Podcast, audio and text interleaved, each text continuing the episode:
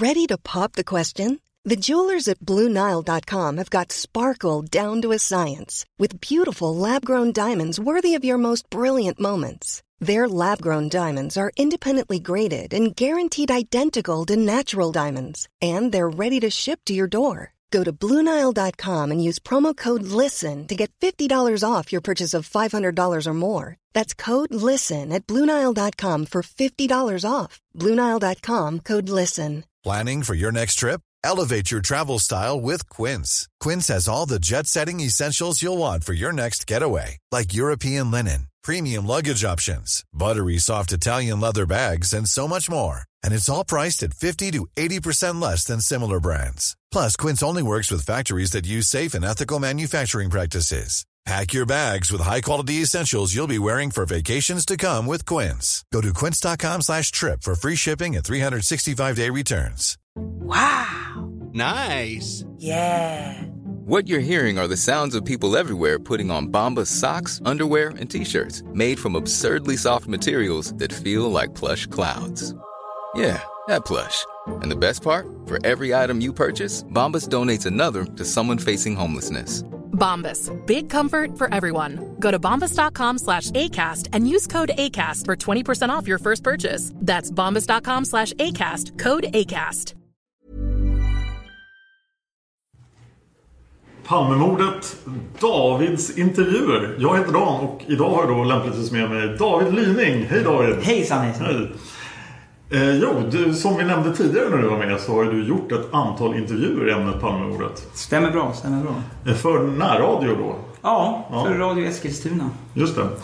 Men eh, det är dina intervjuer Ja. och du får publicera vad du vill. ja, de senare har jag dessutom gjort mest av eget intresse. För Ja. att det ska kunna användas i bra sammanhang som det här nu till exempel. Så det här kommer bli ett jättelångt avsnitt med sex intervjuer om, med olika intressanta personer i anknytning till Palmemordet. Och då tänkte jag att vi här i början skulle kort presentera alla intervjuerna. Och sen kommer de i en radda. Vi eh, kan börja med Conny Larsson. Mm, den gjordes 2015 tror jag på Bokmässan. Ja. Eh, Han har gjort en bok som heter Nu ska jag upp och skjuta den jäveln. Olof Palme. Ja. Och eh, boktiteln är ett citat från en person som Conny Larsson haft hos sig. Han har ju ett, ska man säga, som ett vårdhem, Ja. behandlingshem nere i södra Sverige. Och en av hans, som han har jobbat med en längre tid. Eh, Conny Larsson är säker på att han, han, be, han begav sig iväg eh, dagarna innan mordet och sa att han, vad han skulle göra. Och sa just den här kommentaren. Och han försökte ställa sig i vägen då Conny och säga att nej men gör inte det här. Och då sa han till att akta på dig annars sparkar jag ner dig. Och sen, sen ringde han sen på natten full och förklarade. Och lite, lite i, omskrivet då vad som hade hänt. Han kunde lista sig till att det var det här det handlade för han, Den här personen har alltså haft ett genuint Palmehat länge, länge, länge. Ja, och vi får hela historien i intervjun. Ja, han berättar sin övertygelse om att det här är rätt person och hurdan den här personen är. Att det är en farlig person och så. Ja, så det här är ett helt, eh, helt eget spår. Ja. En hel lösning på Palmemordet. Ja, han är övertygad. Och han, enligt honom så är, han ger också sin syn på vad folk inom spaningsledningen har tyckt om det här. Ja. Eh, Den andra intervjun är med Gösta Söderström, högsta yttre befäl i Stockholm för polisen på Ja. mordnatten. Mycket intressant. Han var en av de som var först på plats också av poliserna och så. Han har berättat, berättar sin syn på vad som hände på mordplatsen. Och så. Ja, Gösta är ju tyvärr död idag, men eh, och det gör intervjun extra intressant. Ja. Men jag, jag kommer nog i framtiden att ägna minst ett helt avsnitt åt Gösta för att hans, eh, hans mordnatt, han är första polis på plats. Och när han inser, han berättar mycket om när han inser att, att, att det som polisen sen skriver i, i tjänstgöringar och så, att det inte stämmer. Ja. Och Gösta är en väldigt intressant person även efter mordet och hela resten av hans liv är, är värt att prata om. Den tredje intervjun du har gjort är med Lars Borgnäs, Ja. författaren till Iskall vind. Jajamän, och jag tror, med reservation för att jag inte helt minns, jag tror att den här är gjord runt 94-95 och i samband med att eh, Eugene de Kock pekade, pekade ut Jaha! att Sydafrika kunde ha varit inblandat i, i Palmemordet. Det ska vi komma tillbaka till i Sydafrikaspåret. Ja. Men det är onekligen ett väldigt intressant uttalande av Eugene mm. Prime Evil. Japp. Eh, och sen har du pratat med en person som jag nämnt väldigt mycket i den här podden. Lars Mm. Larsson. Ja. Och det är med anledning av hans bok.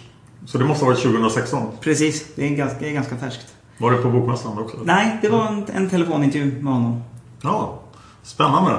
Och han har ju, eh, nu får vi klippa här om det eh, skrivit om eh, Skandiamannen. Han har ju det och vi har ju pratat, gjort sex hela avsnitt om det. Ja. Nationens fiende heter boken. Precis. Och det är intressant också hur, han, hur det här har växt fram. Hur han först tyckte att den här personen kan inte ens ha varit på plats. Och det, vad är det, här för, det stämmer ju inte alls någonting. Och hur han sen smygande fick en känsla av att hur... Men vänta. Det, det, kanske, det kanske är så att han... Det är väl framförallt så är det ju Gis. Ja, Att som har, som, han kan, han kan eh, se var J har stått någonstans. Ja, och, det finns bara en, ja. ja, och det finns bara en person som kan ha gjort det. ja. Gärningsmannen. Och det tyckte jag han var intressant. Och han har, han har sagt att han har försökt försökt liksom få, få, få det här att gå ihop. Och givetvis också nackdelar med att det är inte så mycket att göra nu. Det är inte så mycket du kan, det finns ju ingen du kan fråga så att säga. Nej, Stig är ju tyvärr död för Ja, det läget också. så där är det inte så framkomligt. Men det är en intressant intervju och det är en intressant teori och det är intressant att följa från att han tyckte att det här kan ju inte stämma alls. Det är ju ingenting som stämmer. Han, kan inte vara, han måste ju vara en mytoman. Han kan ju inte ha varit här ens. Ja. Vilket är fler som ju har varit inne på den. ja, Hans Holmér inte minst. Ja. Eh, Sen har du intervjuat Sten Flygare. Sten har vi nog inte nämnt i podden tidigare, men han är en är han. En, en stor förespråkare för Sydafrikaspåret. Ja. Eh, vi pratade tidigare här om, eh, i samband med Lars Borgnäs om Eugene de Kock. Ja, Eh, Han är ju en av dem som hävdar att han har, dels har sett eh, sydafrikanska agenter på det här hotellet som ligger i, vid Västerlånggatan. just det. Han, Han bodde där i han har till och med sett Eugene de Kock på morddagen. Eller? Ja. ja. och, och han berättar ju då och eh, mycket om att vad, han är väldigt insatt i vad som, hur sydafrikanska agenter jobbar och, och så. ja. Och tycker sig väl se att det finns klara tendenser på det även i det här fallet. Ehm, det har ju... Det, det är ju mycket... Han hänvisar ju mycket till den här filmen som... ja den berömda Arlandamannen. Precis. Där, där har det ju hänt lite grejer efter att det här har getts ut. Men då var han ju fortfarande Intervjun är från... 2016. Det är i, samma, i samband med när jag gjorde med Conny Larsson. Ja. Eh, vi ska prata mer om Arlandamannen senare, men det kommer tillbaka till i Sydafrikaspåret. Det har hänt saker där. Men det händer just nu i princip, så att, eh, vi ska inte gå djupare på det. Den sista intervjun vi ska lyssna på idag är med Sven Anér. Ja, och det krävs väl ingen närmare presentation. Han har gjort ett hästjobb när det gäller att få fram... Det här är också gjord i mitten på 90-talet så att det är... Eh, han är, det är inte... Nu har, han har ju riktat in sig väldigt mycket på Dekorima-mannen nu. Ja, Och efter det. Det här var nog innan. I alla fall innan han var så fast besluten om vem den här Dekorima-mannen är. men han har redan skrivit flera böcker om polisspåret. Ja, precis. Och det, det här är väl mer med bäring på det. Än, än på en speciell person då. Eller? Som Ja. här. Vi vet båda vad det handlar om som man har pekat ut med rätt stor idoghet. Väldigt tydligt. Ja, Eh, Sven Anér utmärker sig som eh, senare privatspanare. Han var väl journalist i början fortfarande, men gick sen med i pension. Han utmärker sig med just vara otroligt bra på att komma åt dokument och Ja, ligga på ja. myndigheter och få Absolut. ut papper och sådär. Så att därför är hans blogg ofta en stor källa för mig. Där han, har, han har uppgifter som ingen annan har fått fram. Mm.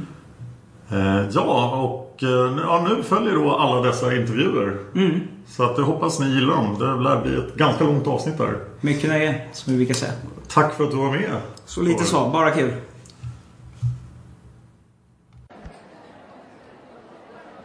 Mitt i myllret här på Bokmässan så ser jag framför mig en stor ja, en, ett affisch med den mycket dramatiska texten Nu ska jag upp och skjuta den jäveln och det är Conny Larsson som har gett ut en bok med det dramatiska titeln. Ja, det, titeln är egentligen Nu ska jag upp och skjuta den jäveln Olof Palme. Så. Så var det till ja. Och anledningen är, ska vi komma in på lite senare, men först, vem är du? Jag är en person som har eh, arbetat eh, ungefär 25 år inom kriminal och missbruksverksamhet och eh, har under den här perioden i två omgångar haft en patient som jag i boken kallar för Lennart. Och eh, jag har varit hans eh, eh, överordnade i form av chef så att jag har varit behandlingshemsföreståndare vid hemmet Kärnan där den här personen i två omgångar har varit 81 till 83 och från 85 till 86 när han då försvann i samband med Palmemordet. När eh, man läser boken så får man en väldigt bra bild av hur den här Lennart är. Eh, kan du lite kort beskriva, vad är det här för person? Ja, det är först och främst en person som har en traumatisk uppväxt och det var för den han behandlades i, i första omgången då mellan 81 och 83 och senare så eh, genom folkskoleutbildning och så vidare så kom han ut. Men det visade sig snart att han hade andra tankar i sitt sinne eftersom han var en sån eh, eh, våldsam Palme-hatare eh, eh så att säga. Och jag var själv ingen vän utav Olof Palme ska, ska villigt erkännas. Eh, så när han väl kom tillbaka från mig eh, eh via eh, frivårdsmyndighetens försorg 1985 så var det efter att ha blivit dömd till att vårdas under vissa premisser och han var alltså eh, på det sättet låst till vårt behandlingshem. Och eh, fram, tiden från det att han flyttade mig i första omgången så hade han ägnat sig åt kriminalitet efter folkhögskolan fram tills dess och kom alltså från fångvårdsanstalten Hall där han var internerad. Och 1985 så, så fick han en dom på att han skulle vara eh, hos mig fram till 1986 i augusti, vilket han naturligtvis inte kom att vara. Som ni säkert förstår, eftersom jag tog upp det här med Lennart så är det han som har fällt den här berömda meningen. Innan det här hände, hade du någonstans i din vildaste fantasi haft en tanke på att han var kapabel eller planerad att göra något sånt här? Ja, ja, ja absolut. Alltså det här var ju en person som ständigt menade på att han ville ha ihjäl Olof Palme eh, specifikt han, han hade blivit så sviken utav den sociala myndigheten och framförallt den socialdemokratiska delen av myndigheten som hade lovat honom efter den första behandlingssvängen att han skulle få allt, lägenhet, handikapp och hit och dit och fram och tillbaka. Han skulle få körkort och allting. Och så när han väl hade gjort den så blev han blåst på det och då, då var socialdemokratin hans eh, huvudfiende och Palme i synnerhet. Och han sa i stort sett var och varannan dag när vi tittade på TV. Han och jag kom att få en väldigt förtrolig förhållande i sista behandlingssvängen 85 då. Eh, så att eh, det handlade mestadels om att så fort vi såg Olof Palme så var det om att eh, han ska helt enkelt väck. Han ska raderas bort. Han ska dö. Det var det som var hans tanke. Och eh, när man då är terapeut så där så går man ju inte alltid emot den man lyssnar till utan man sitter och håller med och man jamsar med. Och så var även jag och jag har varit mer och mer indragen i det tills jag nästintill tyckte som han. Det står i boken där du berättar om just det här tillfället där han lämnar olovande ska vi säga och hemmet. Och eh, kan du berätta lite vad som hände sen när han begav sig upp till Stockholm och begick detta som du säger? Han, han, han lämnade morden, nu ska jag upp och skjuta den jäveln. Han hade några tilläggsord när jag försökte stoppa honom och säga att han inte fick lämna hemmet för då var jag tvungen att anmäla honom. Då sa han att tar du ett steg till mot mig så sparkar jag ihjäl dig din jävel, Och eftersom jag visste vad han var kapabel till, han hade svart bälte i, i karate och var en mycket konditionstränad person, eh, så, eh, så backade jag inte men jag gjorde heller ingen åstundan att han var tvungen att vara kvar utan jag sa åt honom att ja, ja, när du går utanför här då går jag också och anmäler dig för att du har försvunnit. Ja, sagt och gjort. Jag gick och anmälde honom för att han hade försvunnit. då, och då säger frivårdsmyndigheten i Norrköping att ja, men vi kan väl låta honom få helgen ledigt. Det är synd om honom, han har suttit så länge på Hall. Han kan väl få ha ledigt så kommer han tillbaka på måndag eller tisdag och så, så, så reds allting ut mellan er. Och jag la ingen lök på laxen där utan det fick bli som det blev. Jag hade gjort min skyldighet. Naturligtvis trodde jag ju ändå att frivårdsmyndigheten skulle anmäla honom, eh, för det måste de enligt lag göra. Men så blev det inte. Han blev alltså inte efterlyst trots att jag hade sagt att de var tvungna att göra det. Och tack vare eller på grund av det yrke du hade så var det ju inte självklart direkt hur du skulle agera och hur du skulle meddela dig vad det gällde just de här misstankarna som du hade. Nej, alltså när det gäller misstankar som man har haft eh, då, eh, tidigare och innan eh, eh då har man ju då ett, ett eh, terapeutiskt tystnadsplikt så att säga. Men eh, efter det att han hade ringt upp mig på morgonen och sagt att eh, nu är det klart, nu har han skjutit den jäveln. Då, eh, då var det ju väldigt dramatiskt för mig och jag chockade svårt och var chockad ända fram till december kan man säga. Tills min eh, eh, analytiker på hemmet sa ifrån att nu måste du ta itu med det här. Annars så kan hon inte vara kvar själv som analytiker på hemmet. Då menade de på, eh, eftersom jag var oduglig, jag var i chocktillstånd.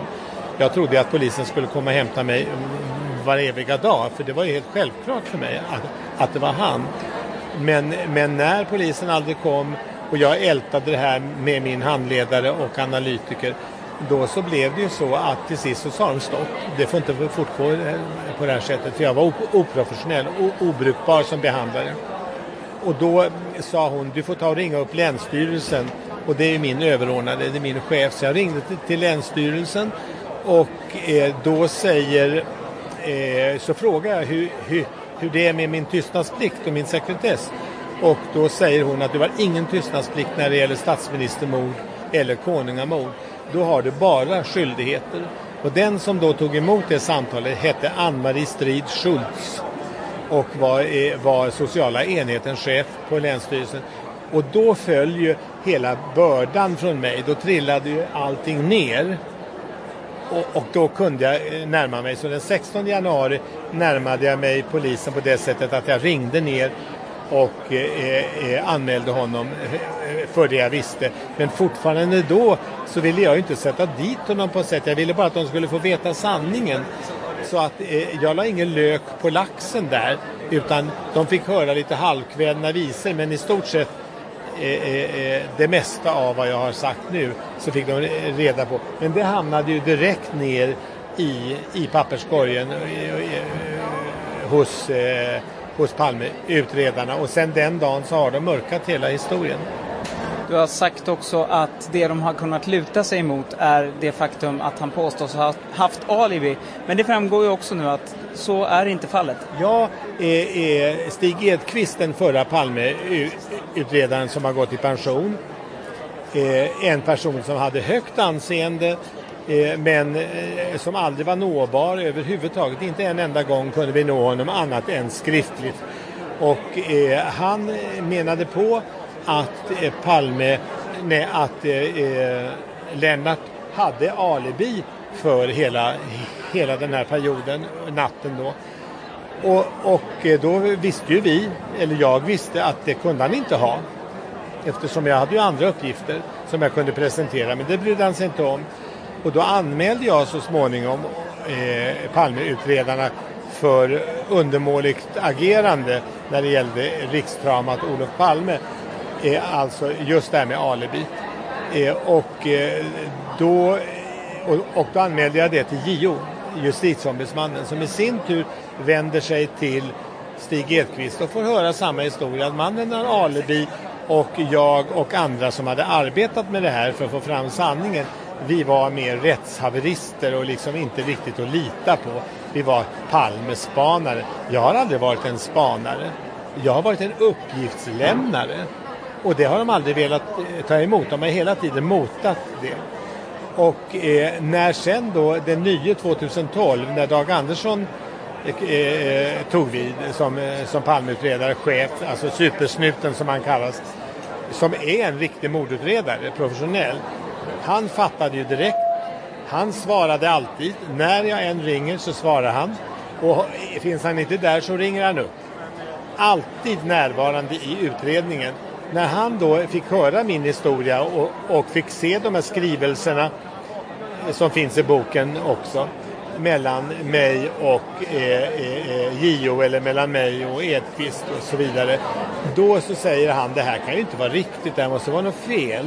Ja men titta in på det. Ja då tar han akten och det tar ju bara två dagar. Så hör han av sig och säger den här mannen har aldrig haft ett alibi.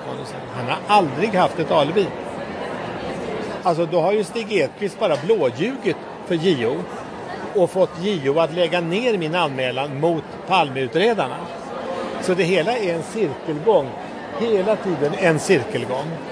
Där det, de som blir lidande är familjen Palme eller det är familjen Palme som blir lidande eller svenska folket i sitt drama.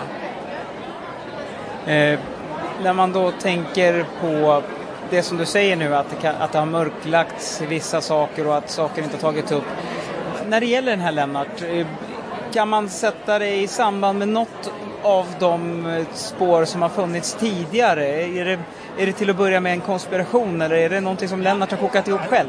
Nej, alltså jag trodde ju från början att det här var en ensam galningsverk.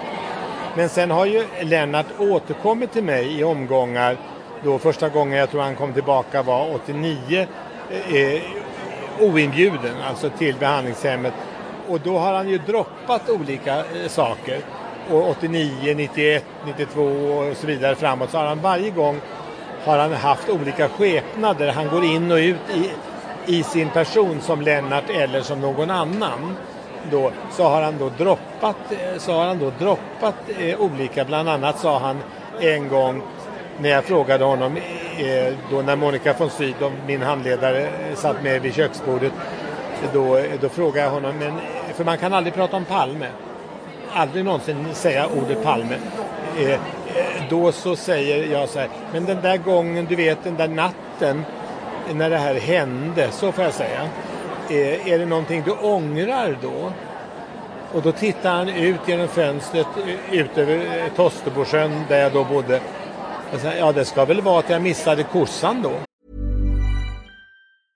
Normally, being a little extra might be a bit much, but not when it comes to healthcare. That's why United Healthcare's Health Protector Guard fixed indemnity insurance plans, underwritten by Golden Rule Insurance Company, supplement your primary plan so you manage out of pocket costs. Learn more at uh1.com. How would you like to look five years younger? In a clinical study, people that had volume added with Juvederm Voluma XC in the cheeks perceived themselves as looking five years younger at six months after treatment. Look younger, feel like you. Add volume for lift and contour in the cheeks with Juvederm Voluma XC. Reverse signs of aging by adding volume to smooth laugh lines with Juvederm Volure XC. For important safety information and to find a licensed specialist, visit juvederm.com. That's J U V E D E R M.com. Not for people with severe allergic reactions, allergies to lidocaine, or the proteins used in Juvederm. Common side effects include injection site redness, swelling, pain, tenderness, firmness, lumps, bumps, bruising, discoloration, or itching. There's a risk of unintentional injection into a blood vessel, which can cause vision abnormalities, blindness, stroke, temporary scabs, or scarring. Talk to a licensed specialist to find out if it's right for you.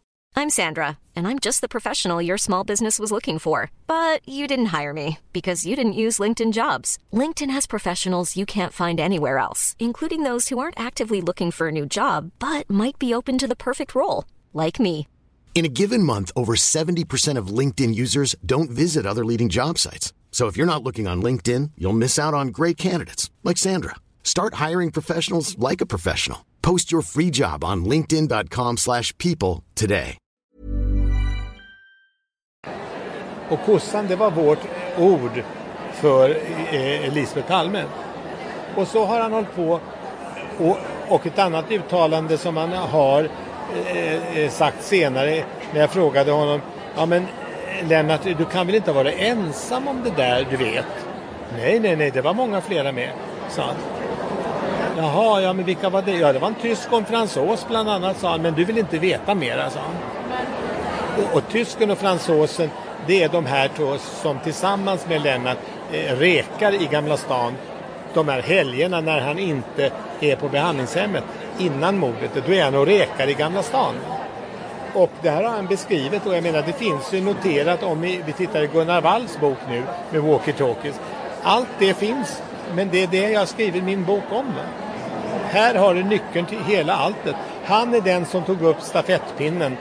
Han är den som fick erbjudandet att ta över från, eh, från, eh, från direktören som Gunnar Wall i sin bok skriver om. Eh, givetvis förstår jag att när man kommer med sådana här uppgifter så om man, om man inte blir ifrågasatt så är det, måste väl ändå vara så att det, folk är nyfikna och ställer frågor om hur du kan vara så säker på att det är den här personen. Ja, självklart. All, alla har de frågorna. Då, men saken är ju den att jag har ju varit levt i det här. Jag har levt med personen och sett förberedelsen men inte förstått den. Utan jag trodde mest det var prat. Han, han meddelade redan två månader innan eh, då i, i november där någon gång så började han meddela att, eh, att han hade fått reda på hur han skulle komma undan med att skjuta en högt uppsatt regeringstjänsteman. Och detta meddelade han eh, då regelbundet. Men men menar, eh, det är ingen som tänker på det. Man tänker det är en knarkare, det är en kriminell, det, det är bla bla bla, det är något att imponera med. Va? Men sen när det väl hände och allt eh, eh, jag ska göra, jag har gjort det och hela det som sen utvecklades och och sen det här falska alibit som han och eh, eh, flickvännen då som bodde på Sturegatan 58 och i boken kallas det för, för eh, eh i boken kallas det för Uppströms eh, gästvåning. Det hette naturligtvis något annat men den finns kvar fortfarande. Och, eh, och det, det, var där han, han liksom gömde sig. Det finns också beskrivet eh, misstänks, eh, misstänksam polisverksamhet runt er eh, efter att det här har...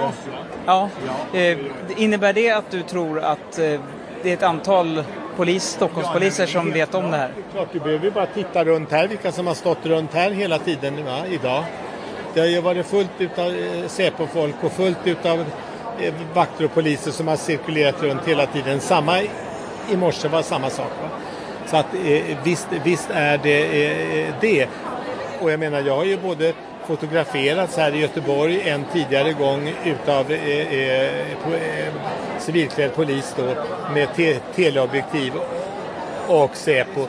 Eh, och samma sak när det har varit eh, eh, när de kom i Norrköping när vi trodde att vi hade en säkrad sån där uppdateringsmöte med alla som var inblandade. Fast då lyckades jag för en gångs skull filma bilen med registreringsnummer och filma personen som körde.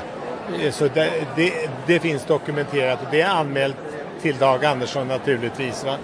Och eh, det har man inte hört ett ljud om men när man går in på registreringsnumret så mycket riktigt det, det är en pensionerad polisbil från 2002 som tidigare fortfarande står på polisen. Alltså en sån där svartblå tonad. Va?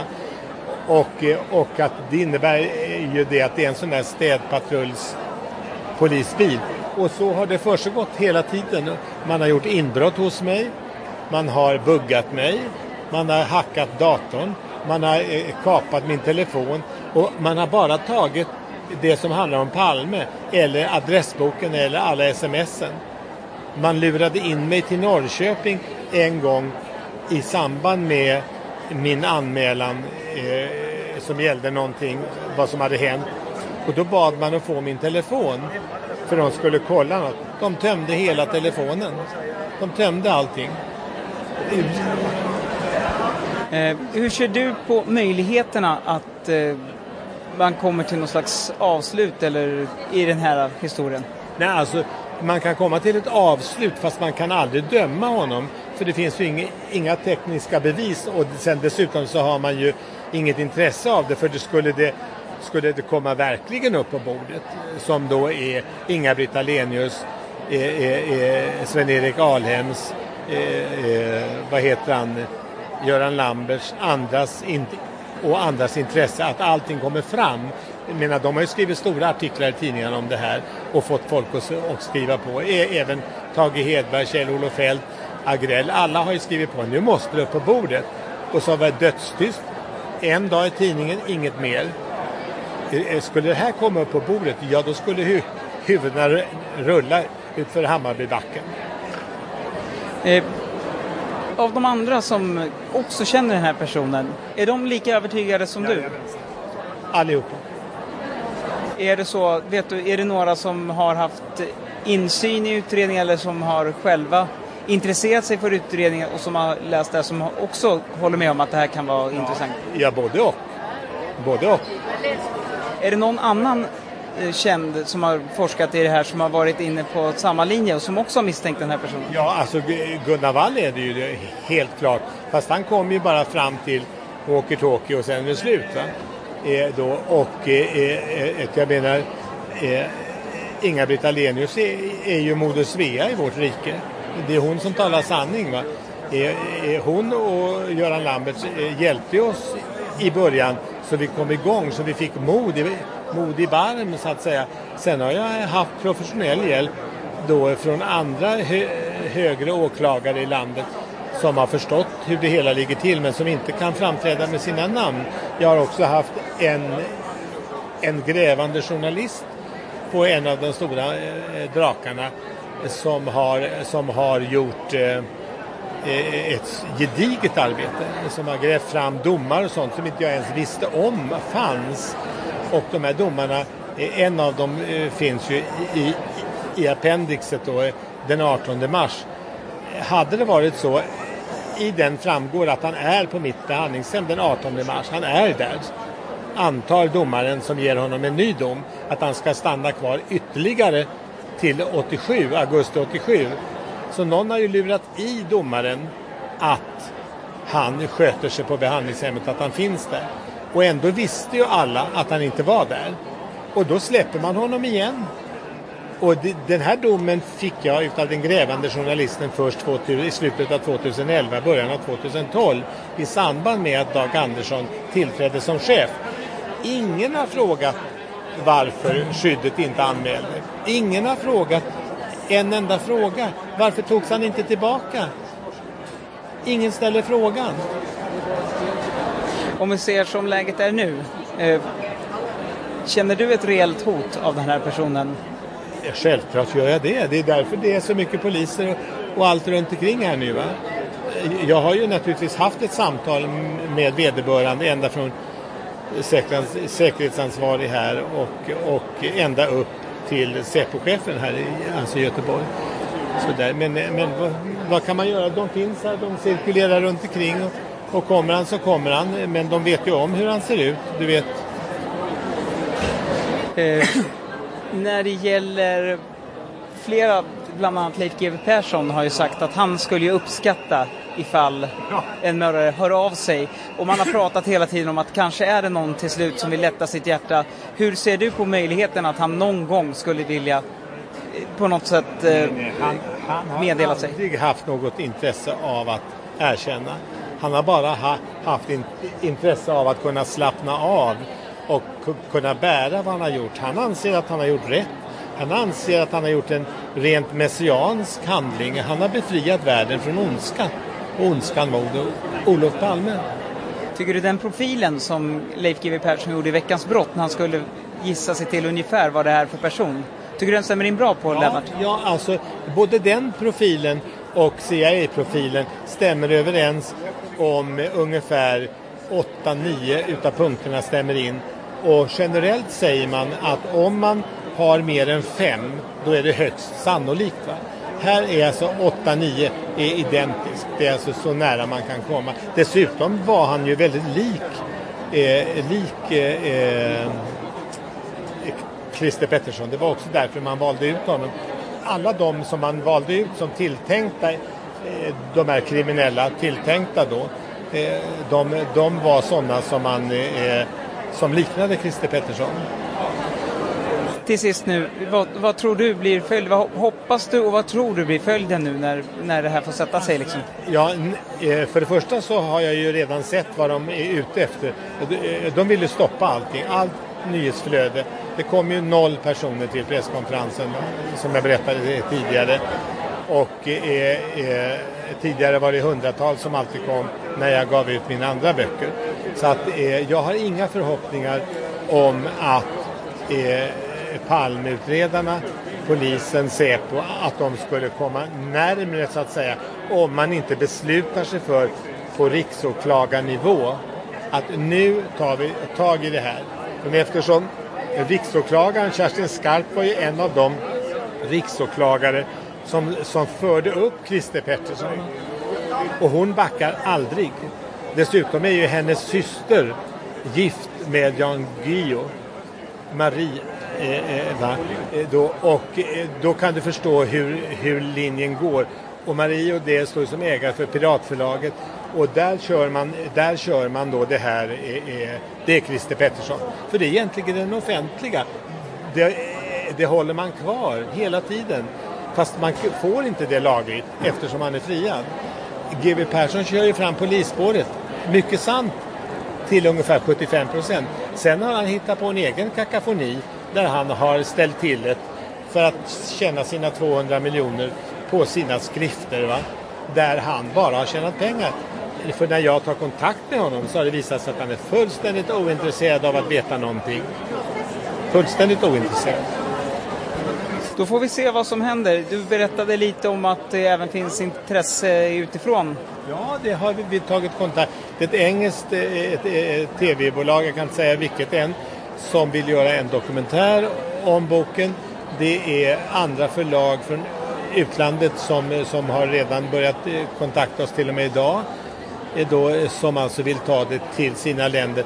Så det kanske blir så att det är utifrån man får ställa de viktiga frågorna eftersom i Sverige kommer de aldrig tillåtas ställas. Det, det är vad jag tror. Då får jag tacka så hemskt mycket och det bästa är väl egentligen om man läser boken. Nu ska jag upp och skjuta den jäveln Olof Palme. Ja. Så, så får man reda på allt. Då får man... Absolut. Alltså när jag har skrivit om den, eh, jag har skrivit boken om den pusselbit som fattas. Och eh, läser man den eh, då är det hör och häpna. Och då förstår man hur vårt samhälle fungerar demokratiskt och i, i rättsväsendet i, idag. Han har ju sagt också hela tiden att det som har saknats är, är ett motiv. Ja. Och, den, och i och med det här, här finns ju i alla fall ett motiv. Allting finns, allting. Motiv finns, är, är, är, planering finns, utförande finns, flyktvägen finns, stället där han övernattade finns och där han sen med tiden också greps den 18 mars då för att föras till Örebro för att få domen som, som ingen talade om för mig om att han hade blivit gripen. Det får jag reda på först på 2011. Så, så att allt har varit, ända från början så har det varit ett sammelsurium som har gått så här. Det är ett sammelsurium utav mörkläggelser och det är Palmeutredarna. De har bedragit hela svenska folket. Hoppas det blir lite klarhet nu under dagarna här vid Bokmässan i alla fall. Tack så hemskt mycket Conny. Tack själv.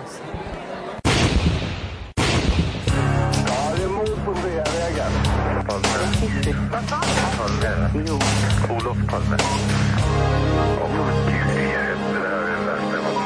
Är det verkligen Olof Palme som är skjuten? Ja.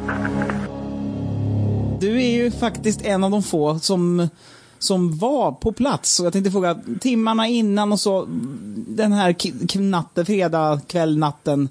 Vad kommer du ihåg av den rent allmänt? Ja, den har, jag spelats upp för mitt inre och, och, i många sammanhang. Jag har till och med drömt om det på nätterna så att det är någonting som sitter fast i medvetandet ordentligt. Och vad jag kommer ihåg det var ju att jag var insatsledare, blev ju det på mordplatsen och att jag var poliskommissarie och eh, som sådan sysslade jag med myndighetsutövning. Det var inte någon privatspaning på något sätt utan, utan det var, jag var en tjänsteman som hade fått ett, ett väldigt eh, känsligt uppdrag att försöka reda ut. Mm. Inte kanske reda ut till fullo men i alla fall i inledningsskedet komma med värdefulla uppgifter. Var befann du dig innan hur, vad, vad, liksom, vad gjorde du innan du fick det här anropet så att säga? Ja, jag, jag hade så kallad citykommendering som det hette. Att sett se till ordningen i, i innerstaden då tillsammans med poliser från Norrmalm och Östermalmsdistrikten. Det var bland annat raggartrafik och ordningsstörningar i trafik och annat som man skulle hålla reda på. Och jag var också på Kungsgatan med tjänstebilen och en chaufför. Och så fick jag ett larm, eller meddelande eller information på radio. Att någon är skjuten vid Sveavägen, Tunnelgatan. Och då, då tittade jag på min klocka, det kommer jag också ihåg. Och sen kom vi fram till mordplatsen och där var vi 23.30. Sen kontaktade jag, ja, sen hände ju en hel del där på mordplatsen men det kanske inte ska gå in på i sånt här kort sammanhang. Så du kan väl fråga om du tycker att det är något ja. spännande. Eh, det som, alltså när du, när du, när du kör till platsen, då vet du fortfarande bara att det är skottlossning vad jag förstått. Ja, just det, absolut. Och det var ju inget märkvärdigt eh, meddelande i och för sig för att de där raggarna de körde ju med, med så kallade avgassmällar och, och det var ett jädra tjohejande där på just i de där trakterna. Så man var ju inte alls säker på vad det var. Men när man kommer fram då ser man ju att det ligger en, en svårt blödande man på gångbanan. Och två personer håller på med upplivningsförsök, hjärtkompression och konstgjord andning och så vidare. Hur lång tid tog det innan det stod klart för er vem offret var? Det tog ungefär fem minuter får jag lov att säga. För att eh, från början så var det en väldig förvirring där. Bland annat det var en kvinna som sprang omkring och var fullständigt hysterisk och vad jag förstod så var hon ju redan då att hon var anhörig för hon skrek att ni måste rädda livet på min man och så vidare. Mm. Jag kände inte igen henne. Hon gick inte i sådana kretsar. Så, att, så jag tog, gjorde tre försök att, att få henne att tala om vem, vem hon var och vem det var som var mördad eller skjuten. Och att det var en död person det hade jag innan konstaterat för att eh, han hade stirrande blick och, och, inga reflexer på ögonen och så vidare. Det var, och det där upplivningsförsöket det bedömde jag som meningslöst helt enkelt. Men jag koncentrerade mig på, på henne och försöka få fram signalementsuppgifter och annat. Men det var väldigt svårt så det tog ungefär fem minuter innan, innan jag var, var på det klara med att det var Olof Palme som var skjuten. Mm. Då meddelade jag sambandscentralen det. Så jag kom dit 23.30 och 23.35 meddelade till sambandscentralen att det var Olof Palme som var död alltså. Ja. Sannolikt och troligen. Dödsfallet konstaterades ju inte officiellt förrän på sjukhus av läkare. Men du anser att det var mer eller mindre kört redan? Ja, han var stendöd alltså. Det, och det var en väldig massa blod som, som eh, fanns på hans kläder och, och hon kvinnan hon var blodig i ansiktet och han låg i en blodpöl helt enkelt. Du förstod att det är... Det måste ju varit någon sorts pulsåderssprängning av något slag i kroppen. Redan 4 mars om jag minns rätt så började du påtala att, eh, att det inte riktigt stämde det här med larmtider och så som har ja, gått det gjorde jag redan på mordnatten. För att eh, vi var inte riktigt överens, jag och min chaufför. För jag, jag, han hade uppfattningen att vi var där 23.30 och jag ansåg att vi var där tidigare. För att eh, min klocka visade 23.28 till och med. När vi blev stoppade av en privatperson så blev vi, aldrig, vi blev ju aldrig larmade dit utan vi blev ju stoppade. Och med tanke på de skillnaderna så, så ringde jag upp eh, polisens sambandscentral och frågade när det här så kallade larmet gick ut om skottlossningen och då svarade de 23 och 23. Och då sa jag, det där kan, det kan inte vara riktigt, sa jag, för att eh, det måste vara 23.29, för 23.30 var jag på plats. Och då fick jag en jädra, mer eller mindre, tillrättavisning att 23, 23 ska det vara, punkt och slut. Och nu snackar vi inte mer om den saken. Det verkar ha varit den så kallade officiella sanningen egentligen. Det var så ja. Sen gjorde jag ju egna så kallade, ja, jag försökte reda ut det här och, och hjälpa till i polisutredningen att få, få, få klarhet i det här. Och eh, då jag ju fram att 23 och 23 har det mycket riktigt gått ett larm, men det har gått till två piketer. En Södermalmspiketen och en från Norrmalmsdistriktet. Och det larmet har inte jag hört i varje fall. Nej, just det. Det hörde jag i något program som har gått på tv att eh, det har, gå, det har alltså gått två ja, stycken larm. enligt eh, den utredning som jag har gjort, som minsann inte var lätt med tanke på att man hänvisar till förundersökningssekretess och sek sekretesslag och gud vet allt. Och det, det, det, har retat mig för att jag var inte någon privatspanare vem som helst utan jag var ju faktiskt ett, en eh, huvudperson här som var en resurs just i det här inledningsskedet. Men eh, man betraktade inte mig som någonting intressant alls utan jag blev sidsteppad som det heter. Ja, oavsett nu om de här eh, personerna då som på något av någon anledning misstror dina uppgifter, har de kunnat lägga fram någonting vad, vad du skulle vinna på att lansera en alternativ tid? Vad, vad jag skulle vinna? Ja, har, de någon, har det någonsin kommit fram, de som nu tvivlar ja. på att dina undersökningar, finns det någonting som de har fått fram att du skulle vinna på att lansera den här Nej, tiden? jag anser inte att personligen vinner. Det är klart att man kan triumfera i och för sig. Jag tycker att man hittade en sanning som inte de gjorde. Och det är ju en, men sen tror jag att utredningen som sådan hade vunnit kolossalt på detta. För att eh, då man får onekligen den misstanken att det fanns polisaktivitet före min ankomst till mordplatsen. Det är det jag tänkte komma Det är ju det som är så spännande. Va? Ja, Vad sysslade de med? Och de här två piketerna, 23 och 23, jag hade ingen aning om att de var i tjänst en gång. Det är ju en av de här piketerna, 32-30 om jag minns rätt va? Ja. Som det har gått, som det också har, samt, eh, det har gått eh, diskussioner om huruvida att de alltså har befunnit sig uppe på Brunkebergsåsen ja, är det va? Det, Tidigare än på grund av ett flyttat... Då kan, då kan man ju bara säga så att de, de, de har någon sorts standby-läge de här två. Och 23, mm. 23 så, så går ett larm att nu kör vi eller någonting i den stilen. Nu, det, här är väldigt eh, känsligt och hypotetiskt kanske. Ja, men det ligger mycket i den tankegången. Om vi säger så, har du någonsin tänkt på att det kan ha varit att eh, det faktum att det är två olika larmtider inte behöver ha samband med att det har skett medvetet? Nej, det, har, det, det här är en planerad aktion med ett stort eh, internationellt och eh, nationellt nätverk på hög nivå som har, som har jobbat i det här sammanhanget. Det finns ingen annan förklaring. Och någon Christer Pettersson eh, har ju inte förekommit annan än, som någon sorts syndabock som man ska kasta all skiten på. Givetvis fick han ju bra betalt under åren. Mm. Men han, han, han tjänstgjorde som, som syndabock. Mm. Och medierna var ju väldigt förtjusta i att lansera honom som mördare vid alla sammanhang.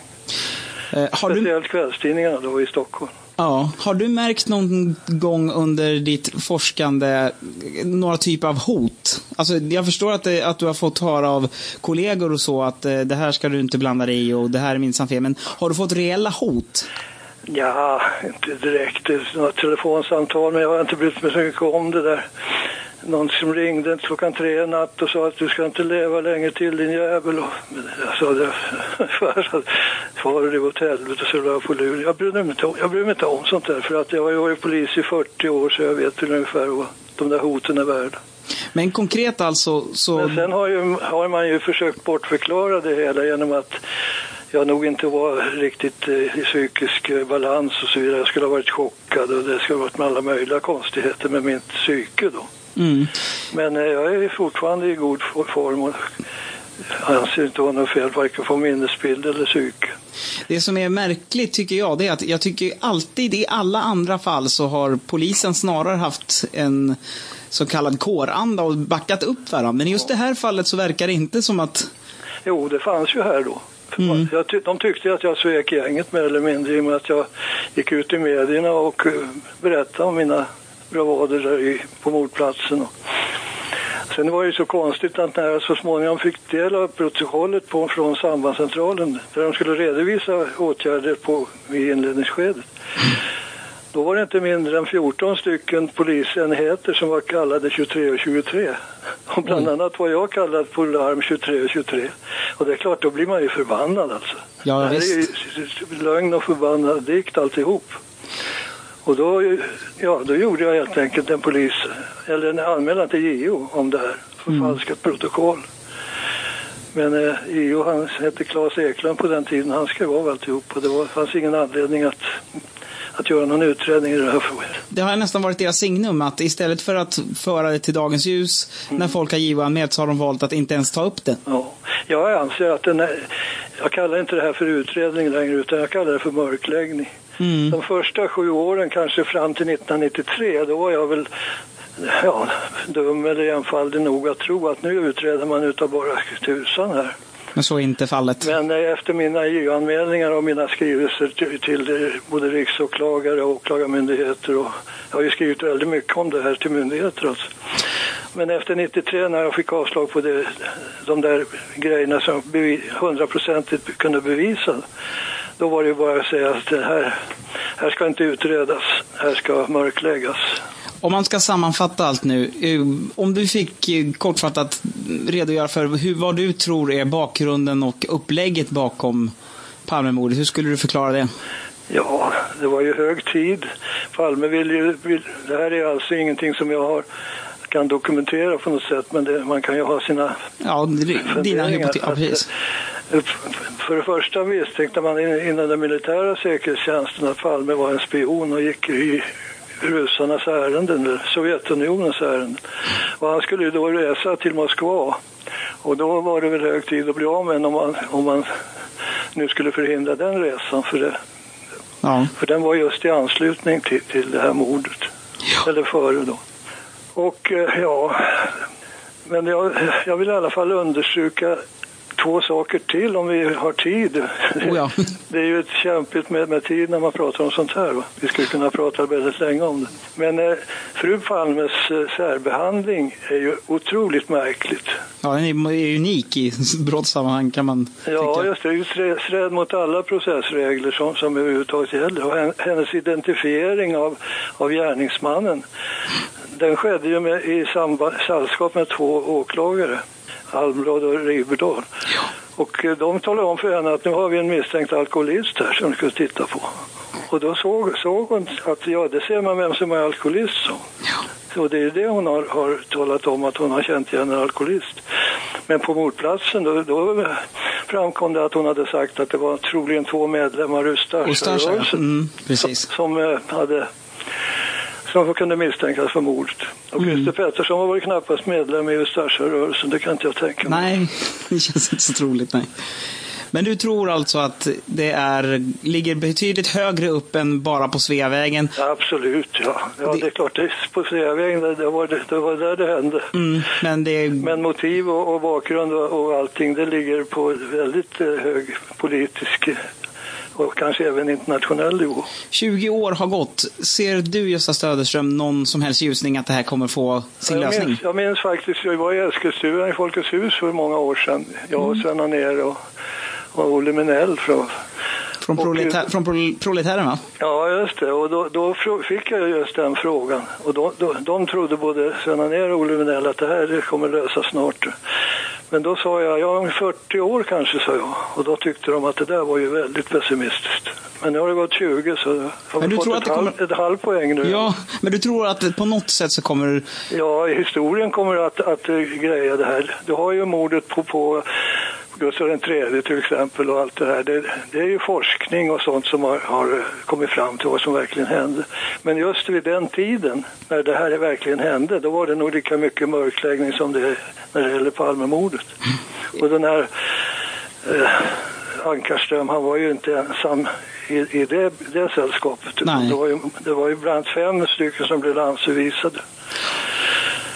Forskar du fortfarande? Eller? Ja, oh ja. Du är fortfarande... Prat, vi pratade med Sven ner häromdagen och han, han håller ju som bekant på med Estonia. Han tyckte att han hade inte plats i sitt arbetsrum. Du måste också ha ganska mycket dokumentation kan jag tro. Ja, jag har faktiskt en hel, en massa pärmar och så har jag en hel sån här, ja, vad heter det, kista, det låter ju väldigt mörkt men det, den sån där man lägger prylar i. Den är alldeles full med papper också. Men innan jag slutar så vill jag i alla fall understryka att det här med Holmér är ju väldigt märkligt också för skulle, han skulle ju åka Vasaloppet men det fick jag kunde han ju aldrig göra för han blev ju hämtad där uppe i Dalarna och åka ner till Stockholm. Mm, ja, det har... Och eh, det, de uppgifterna fick, kom fram dels genom att chauffören talade med mig och dels att han oberoende av det samtalet talade med riksdagsman Jerry Martinge. Sen gjorde vi en sammanställning av det där och det var ju helt klart att de var i Stockholm. Och bara det tycker jag gjo- gjorde en del, för då, ja, då anmälde jag Holmér både till Polismyndigheten och Åklagarmyndigheten, men det var Det två togs- olika åklagare som skrev av det också. Sen överklagade jag till, till Riksåklagaren och eh, överåklagaren, men utan resultat. Men ja, alltså det, det, det är fina bitar det här att dra i, vet om man verkligen vill komma till en, en lösning. Då tycker man också att man kunde höra mig, men det har man ändå aldrig gjort. Och det är ju bra. Ja. Vi tackar så hemskt mycket. Jag, eh, kanske är så om 20 år att vi får, eh, eller i alla fall om några år, får återkomma och eh, att du får rätt då. Att det löser sig på ett eller annat sätt. Ja, du vet, då, tiden går ju ifrån mig. För jag- jag, har ju fyllt 80 år nu, så man är väl inte i det allra bästa hälsotillståndet. Du ska ha tusen tack för att du ställde upp Gösta. Ja, då. Tack så mycket. Ja, det bjuder jag på. Ja, tack hej.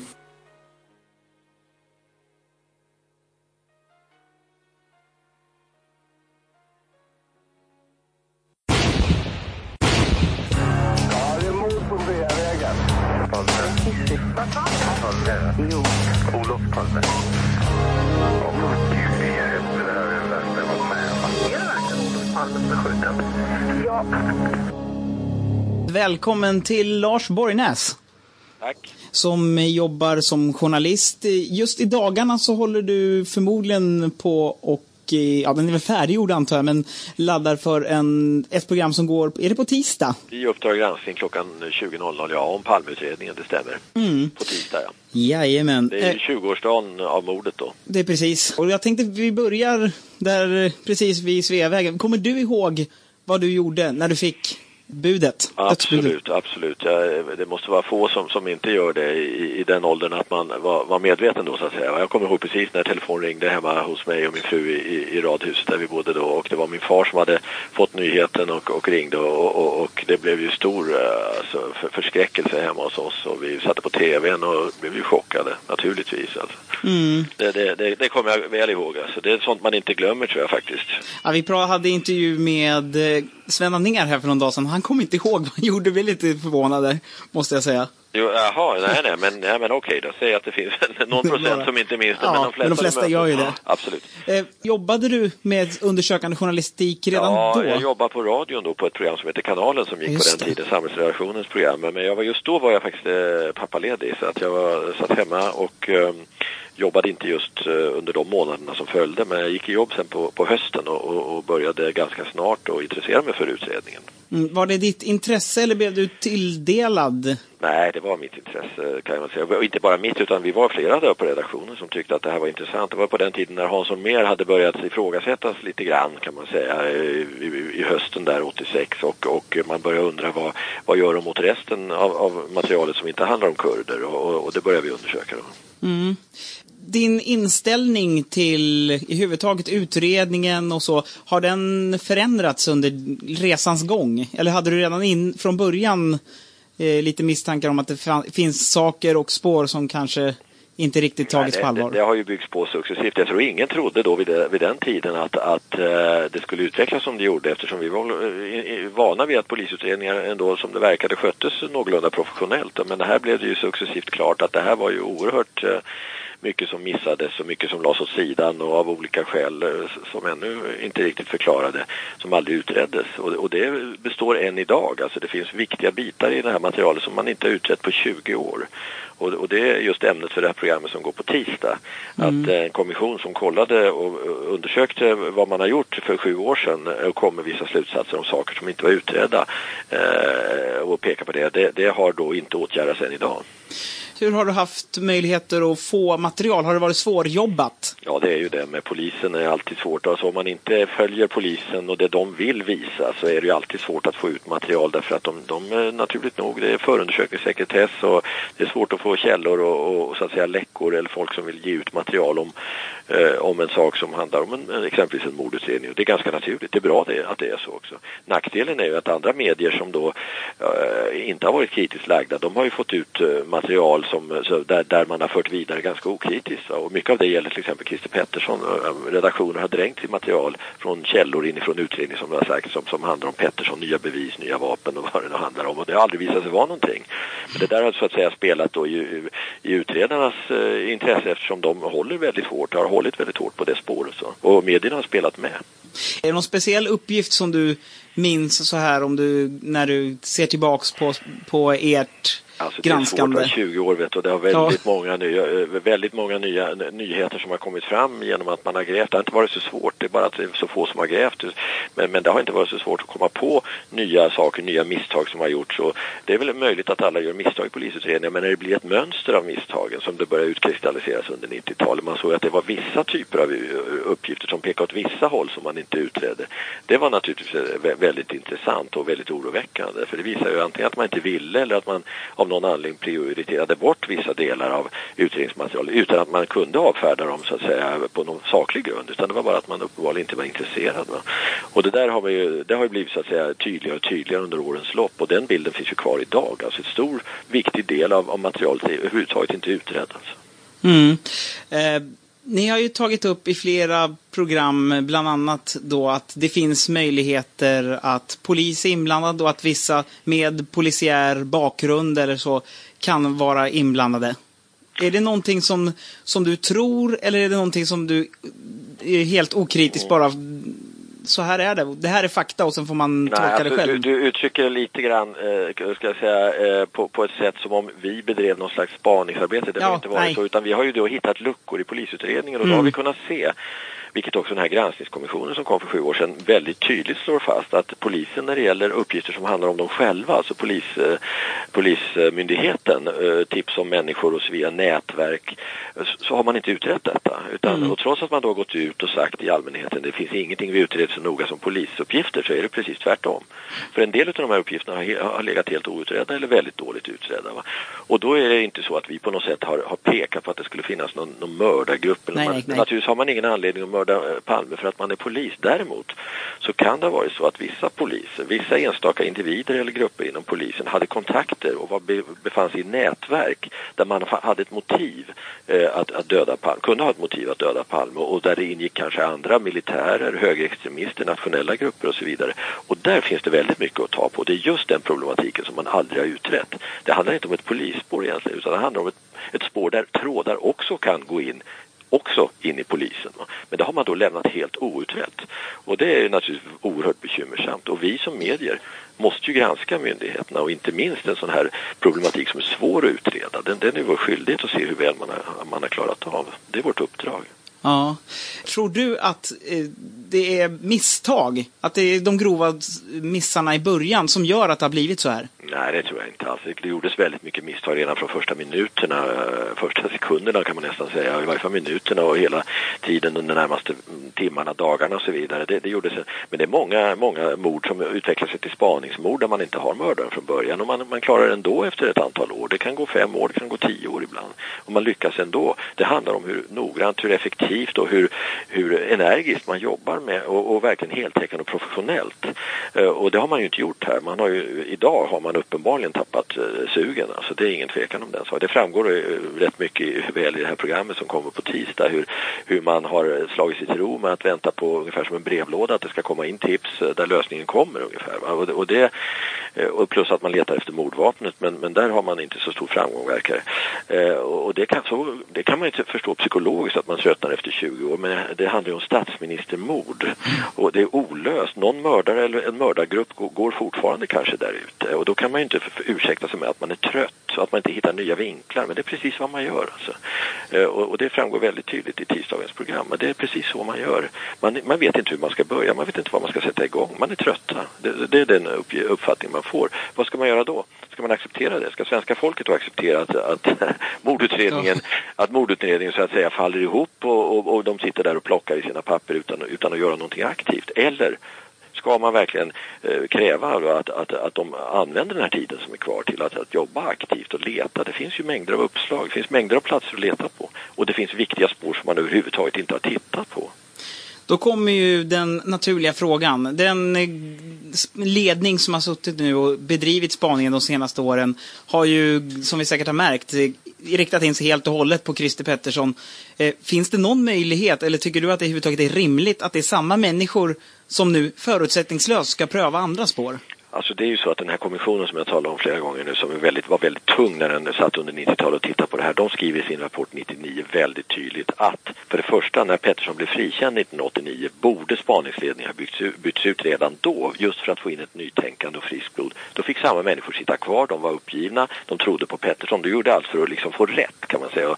Och så höll de på hela 90-talet, lämnade in en resningsansökan så småningom från riksåklagaren, slutet på 90-talet mot Pettersson fick den underkänd, eh, den avslogs. Vad, vad, skulle man ha gjort då? Kommissionen skriver, då borde man ha gjort motsvarande om, ommöblering och, för att få en ny tändning. Det gjordes inte heller.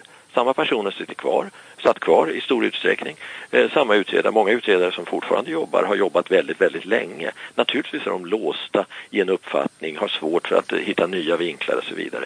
Självklart borde, och det skriver också kommissionen, nytt tänkande, nytt blod har kommit in och det borde ha skett för länge sedan. Då frågar jag kommissionens ledamot eh, Inga-Britt Ahlenius, varför har inte det här gjorts då? Ja, säger hon, det är förmodligen svag ledning, säger hon. Alltså man, man, någon högre upp borde ha tagit det beslutet, det har inte skett. Tror du att det finns i materian som, som polisen har möjlig lösning till mordet? Eller tror du att det är så att det är personer som sitter på det och som inte kommer att yppa det?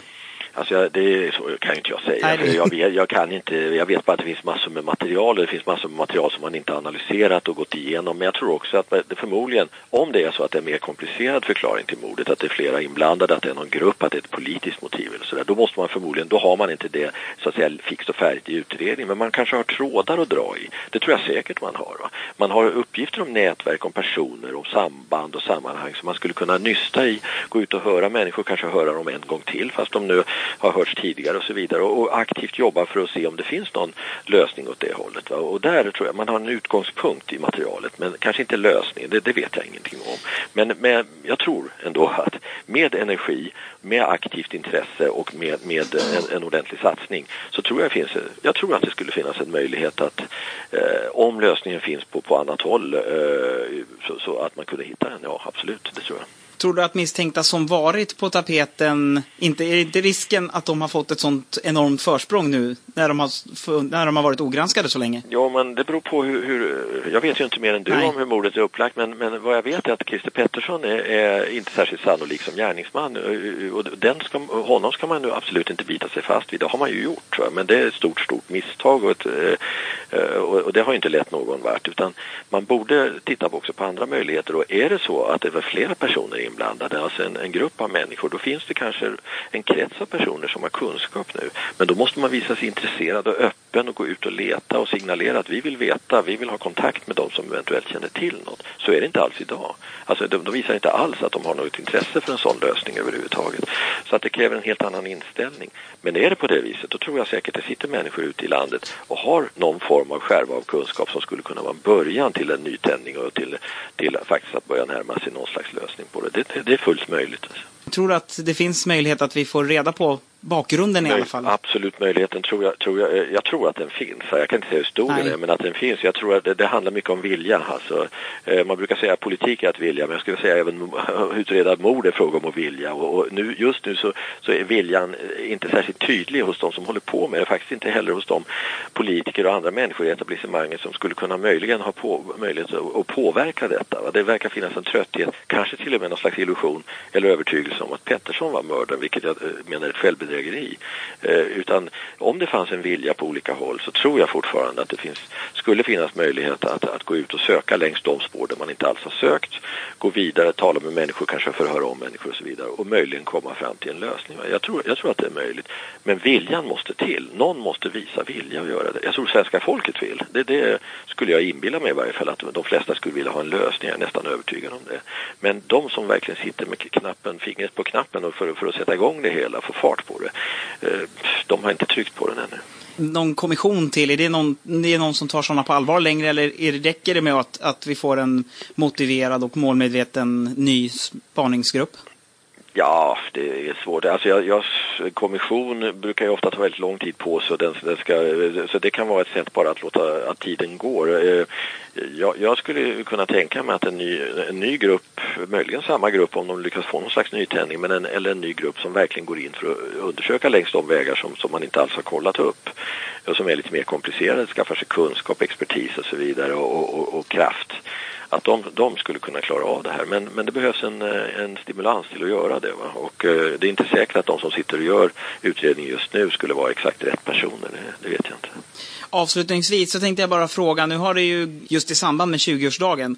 så sent som idag så kommer ju ytterligare ett dödsbäddserkännande. Mm. Den här personen, Roger, mm. är det någon som du har kommit i kontakt med och har du någon möjlighet att bedöma vad du tycker om ja, hans trovärdighet. Jag, jag, vet ju inte mer om, om, eller jag vet inte vilken roll han eh, spelar i den här dokumentären men han är uppenbarligen en källa. Han är ju känd från utredningen. Han var ju ja. den person som tidigare var med i rättegången mot Pettersson och, och som då påstod att han stod och telefonerade från biografen och, och, så såg han Pettersson utanför på gatan och det här skulle ha varit en 7-8 minuter före mordet och det skulle alltså innebära att Pettersson då och han var ju också med i rättegången och berättade om det här. Alltså han gav ju då en annan version än vad han uppenbarligen gör nu va? och eh, då har han väl ändrat på sig. Då. Ja, nu, enligt det här har han ju tydligen sett skotten. Det måste innebära att han måste ha följt efter mm. det, det berättade han ju inte då, alltså under rättegången. Det var ju under ed som han vid två tillfällen berättade vad som hände. Och, och, och, vi vet ju också från mordplats, eller från förhören då med första åren att under de första år, två åren så kommer man inte ihåg någonting från den här kvällen överhuvudtaget. Det finns i, i förhören. Så att eh, minnet klarnade gradvis eh, och delvis fick han ju hjälp av polisen att, att minnas också. Sen var han väldigt eh, benägen att hjälpa till under rättegången och peka på Pettersson som, som att han hade stått utanför bion. Nu kommer han tydligen då, om du säger det som du säger, så kommer mm. han med ytterligare en version. Ja, enligt det här så, så såg han alltså Pettersson skjuta. Jaha, ja men det, är ju, det, det har han väl kommit på då efter ett antal år och det, det får man väl bedöma efter hur, hur det framställs. Men Eh, som han beskrev sig själv under de första två åren i en stor mängd förhör så var han ju totalt eh, borta under den här kvällen av, av sprit och narkotika och mindes inte ett dugg. Så att eh, minnet måste ha vaknat på honom ganska avsevärd grad. Vem är Lars Larsson? Ja, ehm, eh, jobbar inom industrin, tjänsteman där, har ett starkt intresse för Palmemordet, bor i Nybro eh, 50 år och ja, eh, vill inte kalla mig för författare men nu har jag gjort ett försök i alla fall och skrivit en bok. Det är väl kort. Och boken heter alltså Nationens fiende, en bok om mordet på Olof Palme. Och när man pratar och intervjuar folk så brukar ju den första frågan ofrånkomligt handla om just eh, det här, den här morgonen eller natten när man slår på tvn och får reda på att statsminister Olof Palme är mördad. Kommer du ihåg exakt vad du gjorde när du fick reda på det? Ja, det gjorde jag och jag kan väl direkt eh, säga att jag var definitivt inte i Stockholm i alla fall den natten. så jag kan, ju ta bort det i alla fall. Nej, jag gjorde inget speciellt men jag kommer ju väldigt väl ihåg det. Eh, fick reda på det på morgonen när jag vaknade och eh, ja, eh, kommer ihåg framförallt dagarna efter när det var väldigt mycket på radio och tv. Man läste tidningarna och ja, Eh, väldigt speciell period faktiskt. Det hände ju lite mer det året också. Eh, om jag minns rätt var det Tjernobyl och lite annat som var ganska, eh, var ganska händelserikt då överhuvudtaget. Mm, det stämmer. Eh, det här intresset för eh, Palmemordet, kom det direkt eller är det någonting som har kommit senare? Jag har alltid haft ett intresse på sätt och vis för det i och med att man ja, var med i början där och eh, följde med nyheterna och så vidare. Men det var väl egentligen först för ja, bortåt en fem år sedan eller någonting sånt där som eh, jag gick på biblioteket, lånade en bok. Eh, det var Börje Wingrens bok som han skrev som hette Han, eh, han sköt Olof Palme. Och ja, den lät ju lockande den titeln så jag lånade den boken och eh, eh läste den. Tyckte det var väldigt spännande och väldigt intressant. Och han eh, propagerar ju för eh, Viktor Gunnarsson eller 33-åringen som han kallades i pressen. Mm. Och eh, han la ju upp ett ganska bra case mot eh, honom faktiskt tycker jag. Och jag gick ju, jag gick ju nästan på det, om man uttrycker så. Men sen lånade jag en annan bok och eh, eller köpte en annan bok och, och läste den och då var det väl polisspåret som den handlade om och då blev jag väl lite grann såld på det. Och läste fler och fler böcker och ja, på något sätt så byggdes intresset upp. Och framförallt blev jag ju eh, lite, vad ska man säga, lite triggade då av att det fanns så väldigt många spår och, och att eh, det, ligger, det ligger så mycket i de där spåren. Och det var väl egentligen först efter, ja, ja det kanske var för två år sedan eller någonting sånt där som jag kände att jag behövde nog gå lite djupare på det där. Och, eh, då hade jag ett sånt starkt intresse så att då beställde jag ganska stora mängder material från Palmeutredningen och tingsrätten och, och annat. Rätt mycket som är offentligt idag. Så jag började med att läsa igenom förhören faktiskt. Mm. Och ägnade rätt mycket tid åt att titta igenom dem. Så det var väl så. Det var väl så det började och så det utvecklades. Och idén och, om att du skulle skriva en bok om det du kom fram till, hur växte den fram? Ja, eh, någonstans har jag väl alltid tänkt att det skulle vara kul att skriva en bok och har väl alltid varit, eh, gått och sneglat på den idén men jag har inte riktigt vetat att jag skulle skriva boken om förrän eh, eh, det, ja, det, det, var faktiskt så att när jag gick igenom och, och tittade på de här vittnesförhören så jag gick väldigt vetenskapligt tillväga. Jag studerade dem väldigt noga och förde väldigt mycket anteckningar och, och försökte på något sätt bygga ihop det här, ja, ska säga, det här stora pusslet som det är frågan om. Det, det är väldigt många vittnen, det är väldigt många olika eh, personer som står placerade olika, olika förutsättningar för att se och eh, alltså man får ta varje pus pusselbit för sig och, och försöka få ihop det till en helhet. Vittne A ser detta och vittnet B eh, ser någonting annat och, och, med sina olika förutsättningar så får man försöka väga det och försöka få ihop någon sorts eh, total bild. Och det gick ganska bra ända tills jag kom fram till ett speciellt vittne som eh, inte på något sätt passade in alls faktiskt i bilden. Eh, jag hade väldigt stora problem just med det vittnet. Eh, och till en början, ingenting av det som det här, det här vittnet sa stämde faktiskt in. Och det tog ett tag men till sist så fick jag ju bestämma för att jag måste plocka bort hela det här hela den här personen. Han, han kan inte ha varit där, han kan inte ha sett det han säger att han säger utan han, han ljuger helt enkelt. Han talar inte sanning. Och då kan man få ihop en ganska bra bild. Då kan man få ihop en ganska bra eh, total... Ja, ett totalt pussel av hur det hela eh, skulle kunna se ut. Jag kunde inte riktigt släppa den här personen i alla fall. Det, är ju rätt, det är rätt märkligt alltså. Man eh, eh ringer polisen dagen efter mordet och anmäler sig som ett vittne och, och ja, avlägger sitt vittnesmål och pratar mycket om det här. Låter sig intervjuas faktiskt som den här personen gjorde i tidningar och, och tv. Det är ju rätt konstigt va. Men vi ska väl säga också att visst var den här personen är även i poliskretsar känd för att kanske vara lite av en mytoman. Det är ju så här, precis va. Det är ju så här att eh, så vad jag gjorde då, det var att jag började läsa de här förhören om och om igen och, och till sist kom jag faktiskt på hur det skulle kunna hänga ihop. Och när jag gjorde det, då blev jag väldigt intresserad av den här personen och då visade det sig att någon gång i, i ja, kan det vara någon gång i juni om jag minns rätt, så blir även polisen väldigt intresserad av den här personen. Och ja, dra igång en undersökning kan man säga. Eh, förhör honom ytterligare en gång, prata med folk på hans jobb, prata med väktarna där eh, hans chefer, personal, avdelningen och så vidare. Eh, och helt klart har man någon form av eh, misstanke eller någon form av någonting är det som inte stämmer med honom. Det, det framgår tydligt när man läser dokumenten.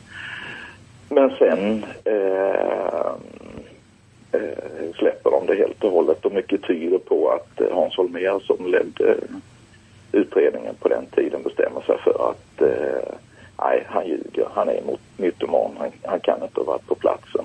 Han vill bara glänsa en stund i, i rampljuset. Här. Det är det enda han eh, är skyldig till. Får, tror du att det är så att han har gjort det bara för att han bara tycker att han är en mytoman eller tror du att det finns en anledning att han tycker att det är bra att hålla honom borta från allmänhetens granskande ögon? Det är väldigt svårt att ha en uppfattning om det. Men personligen tycker jag det ser väldigt konstigt ut när man eh, uppenbarligen hyser de här misstankarna mot honom ända fram i, i eh, juni. Man förhör honom eh, fyra gånger. Eh, och sen helt plötsligt bara släpper det. det. Det är väldigt, väldigt konstigt. En annan konstig detalj i det sammanhanget är ju att granskningskommissionen som eh, har, har gjort ett jättejobb med att gå igenom polisens utredning och, och gått igenom alla misstänkta spår. De har ingenting att säga överhuvudtaget om eh, den här personen. Så någonstans indikerar det för mig att eh, polisen har betraktat det som ett spår som är intressant eh, och som de utreder men som, eh, ja, som de inte kommer vidare på helt enkelt. På något sätt vill hålla det ja, undan allmänhetens ögon kanske. Den här boken nu som vi pratar om och som, eh, som du har skrivit, det har ju kommit väldigt många böcker i detta ämne, väldigt många böcker. Men det är en av de få böckerna som faktiskt knyter an till vad som händer på Sveavägen och som inte enbart har eh, abstrakta teorier som grund. Så är det faktiskt. Ehm, jag är ju också, eh, som jag nämnde tidigare, väldigt intresserad av eh, alla de olika spåren. Till exempel eh, Sydafrika har ju mycket potential om man nu får uttrycka sig så.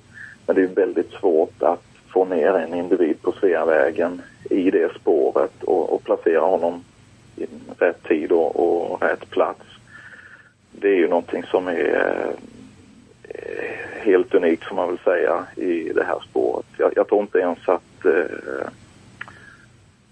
Christer Pettersson går och, och belägger att han i verkligheten var norr om Kungsgatan den kvällen. Eh, det går inte att få dit Viktor Gunnarsson heller. Och Om jag, om jag, det, ja, om jag har förstått det hela rätt så är det alltså den, den som är benämnd som Skandiamannen, är det honom vi pratar om?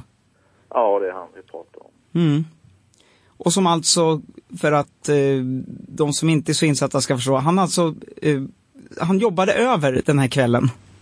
Ja, det stämmer. Han eh, har jobbat över ganska mycket de senaste eh, två veckorna och, det här är ju en fredagkväll och han sitter på sitt kontor. Eh, dagen efter så ska han åka tillsammans med sin fru till eh, Idre, tror jag det är, på vintersemester en vecka. Men han har väldigt mycket att göra. Han sitter och jobbar över och eh, eh, ja, stämplar ut eh, 19 minuter över 23. Två minuter innan mordet kom ut på Sveavägen. Det är egentligen bakgrunden till varför han befinner sig där han befinner sig. Kommer man i boken att få någon bakgrund eller något möjligt motiv som han skulle kunna ha? Jag har gjort en del research om den här personen. För det finns inte så mycket att läsa om honom egentligen överhuvudtaget. Och, och det finns ganska mycket spekulationer däremot och, och gissningar och så vidare. Men jag har ägnat rätt mycket energi åt att eh, titta på vad det är för en person och, och var han kommer ifrån och så vidare. Och, eh, för mig framstår han ju som en eh, ja, lite speciell person får jag väl säga. Lite speciell bakgrund och eh, lite speciell, ja, lite speciell person skulle jag vilja säga. Sen eh, har jag inte egentligen i boken, eh, jag, jag för ingen diskussion eller resonemang i boken om motiv eller så. Eh, det har ju ingen, eh, det, det finns ingen det finns ingen motivbild eller, eh, eller, eller någonting sånt. Eh, Och där är väl ungefär på samma eh, nivå som med Christer Pettersson egentligen. Det har man heller aldrig kunnat hitta någon, mot, något motiv. Det är väl egentligen det, mycket av det som är anledning till att han heller aldrig har fällts av några Ja. juris, jurister i alla fall. Ja, det, det får jag nog hålla med om. Eh, Min utredning har, har eh, där jag har gått egentligen klassiskt tillväga där, titta på vad det finns för några eh, indikationer, titta på vad det finns för några bevis och indicier och eh, egentligen uti, utifrån det dra slutsatserna. Sen eh, i, i sista hand så får man ju titta på vilken motiv hade den här eh, individen i så fall för att göra det som han gjorde. Um, och det, det är väl lite skillnad från många av de andra spåren som är ganska aktuella och som är ganska intressanta idag. Där utgår man ju tvärtom ifrån eh, motiv då egentligen. Man, man, I Sydafrikas spår till exempelvis utgår man ifrån att det finns ett motiv för apartheidregeringen att, eh, att eh, få bort eh, Olof Palme i samband med polisbrott och så vidare. Det är väl egentligen det som är styrkan i de spåren. Eh, här är det snarare tvärtom. Här finns indicier och, och eh, vittnesmål och eh, ja, andra saker som pekar på eh, att den här individen kan ha varit inblandad. Sen motivet får komma i efterhand. Har polisen visat något intresse av, ska vi säga, din del av eh, undersökningen av den här personen? Nej, inte, eh, inte vad jag har lyckats notera i alla fall. Eh, det har man inte gjort. Men, men du hyser ändå, du tror att det här kan vara eh, nyckeln till att du har hittat det här lilla, vad ska man säga, kornet, nålen i höstacken, för det är en ganska stor utredning. Jag tror verkligen det och eh, jag tror också att det här är eh, någonting som eh, skulle kunna eh, lösa mordet. Jag vill inte på något sätt eh, peka ut den här individen. Jag vill inte eh, sätta en pistol i hans hand och påstå att det är han som har gjort det. Eh, det kan jag inte göra. Men jag kan lyfta fram indicier, jag kan lyfta fram de här avgörande eh, eh, punkterna som finns eh, i, i min utredning som faktiskt eh, tyder på den, tyder i den riktningen. Utan att avslöja för mycket av boken så kan vi ju säga, bland annat så har ju den här personen som, du, som den här boken handlar om har ju bland annat sett saker som om man går ner i eh, materialet inser att ingen annan kan ha sett det än mördaren. Det är, det är riktigt va och eh, det var det det var faktiskt det ögonblicket när jag kom på det som jag bestämde mig för att det här är så viktigt att eh, det här kan faktiskt lösa hela mordet. Det, måste, det, det är därför jag eh, skriver boken och jag kom på att jag ska göra det.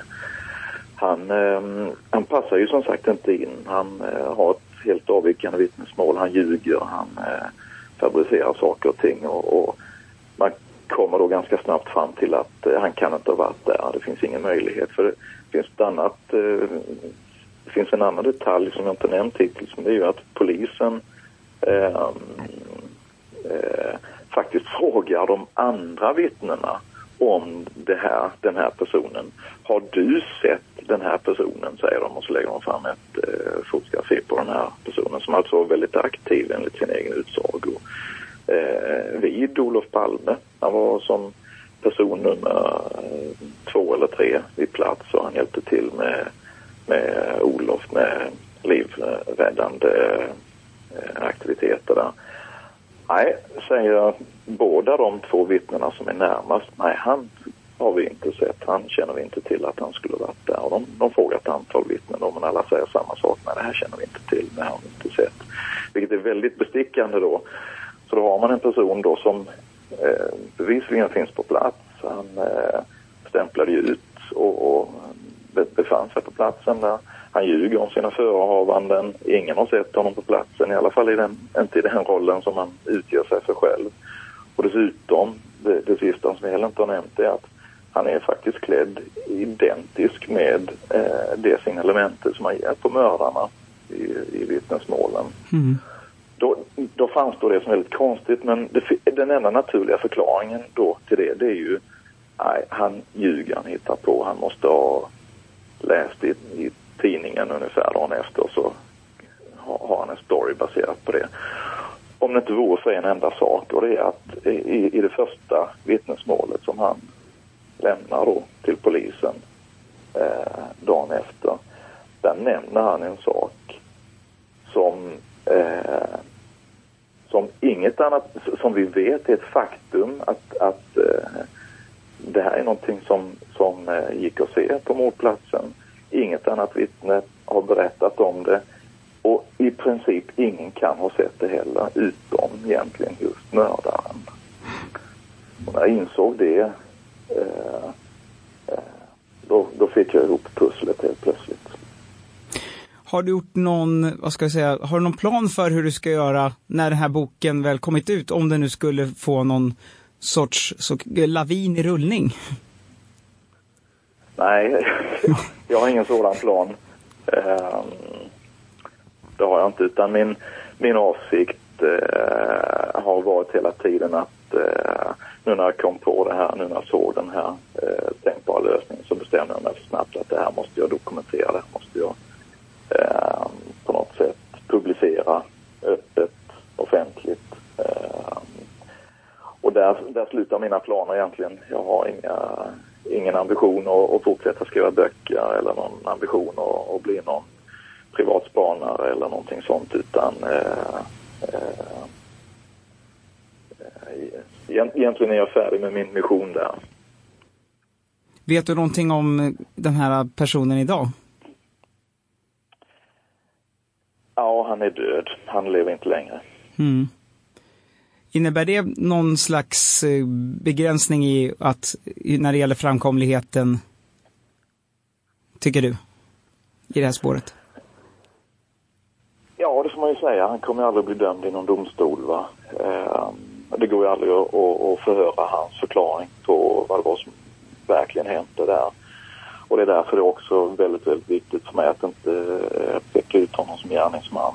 Eh, av det enkla skälet att eh, det kan ju naturligtvis finnas någon naturlig förklaring även om den är svår eller obegriplig för mig så, så kan det ju finnas andra förklaringar och eftersom han är död kan han inte försvara sig. Mm. Och nästa vecka alltså så är det stor release på den här boken? Ja, det är det.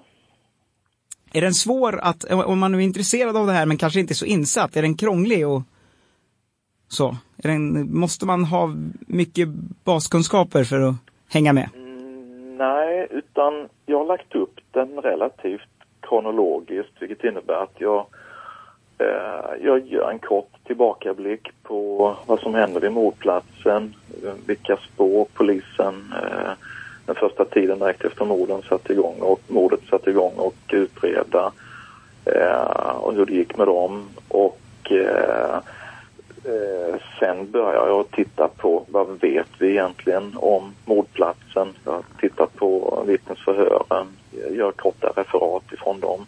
Sen har jag ganska mycket tabeller i boken. Eh, vad anser vittnena att eh, hur, hur mördaren var klädd, eh, vart tog han vägen, hur betedde han sig på mordplatsen och så vidare. Så att den är, det är, ingen, det är, ingen, det är definitivt ingen skönlitterär bok och det, det är heller kanske ingenting som eh, man, man sträckläser som en deckare eller någonting sånt där utan den, den är eh, väldigt saklig och eh, tar det hela eh, steg för steg framåt. Då är det en spännande bok som man kan eh, läsa även om man inte är jätteinsatt. Och det ger alltså din syn på vad som kan vara nyckeln till lösningen på mordet på Olof Palme. Ja, det vågar jag påstå. Mycket spännande. Jag tackar så hemskt mycket och då får vi se här framöver vad, om det ger några ringar på vattnet eller om det ger några kedjereaktioner. Mm. Tack själv. Tack så mycket. I en liten mysig ombonad hörna här på Bokmässan sitter jag med Sten Flygare som är aktuell med boken Olof Palme och Sydafrika. Och först ska jag fråga Sten, vem är du? Ja, det har jag alltid undrat själv. Men det står något så här, jag läser själv i boken. Då står det så här. Sten Flygare har en bakgrund som kulturentreprenör och kreatör. Han har drivit en rad omfattande projekt och arrangemang över hela Sverige och även övriga Norden inom både litteratur, bildkonst och musik. Så det är väl vad jag är då. Det är väl en bra pre presentation. Jag har gjort mycket musikkonserter jag har gjort då. Sysslat mycket med musik då. Och sen eh, även eh, ordnat av konstutställningar och så har vi gett ut några barnböcker och lite sånt då. Eh, lite mångsysslare det inom kultur om man säger så då. Det har stått mycket i tidningarna de senaste, den senaste tiden angående Palmeutredningen och eh, just kopplingar till Sydafrika.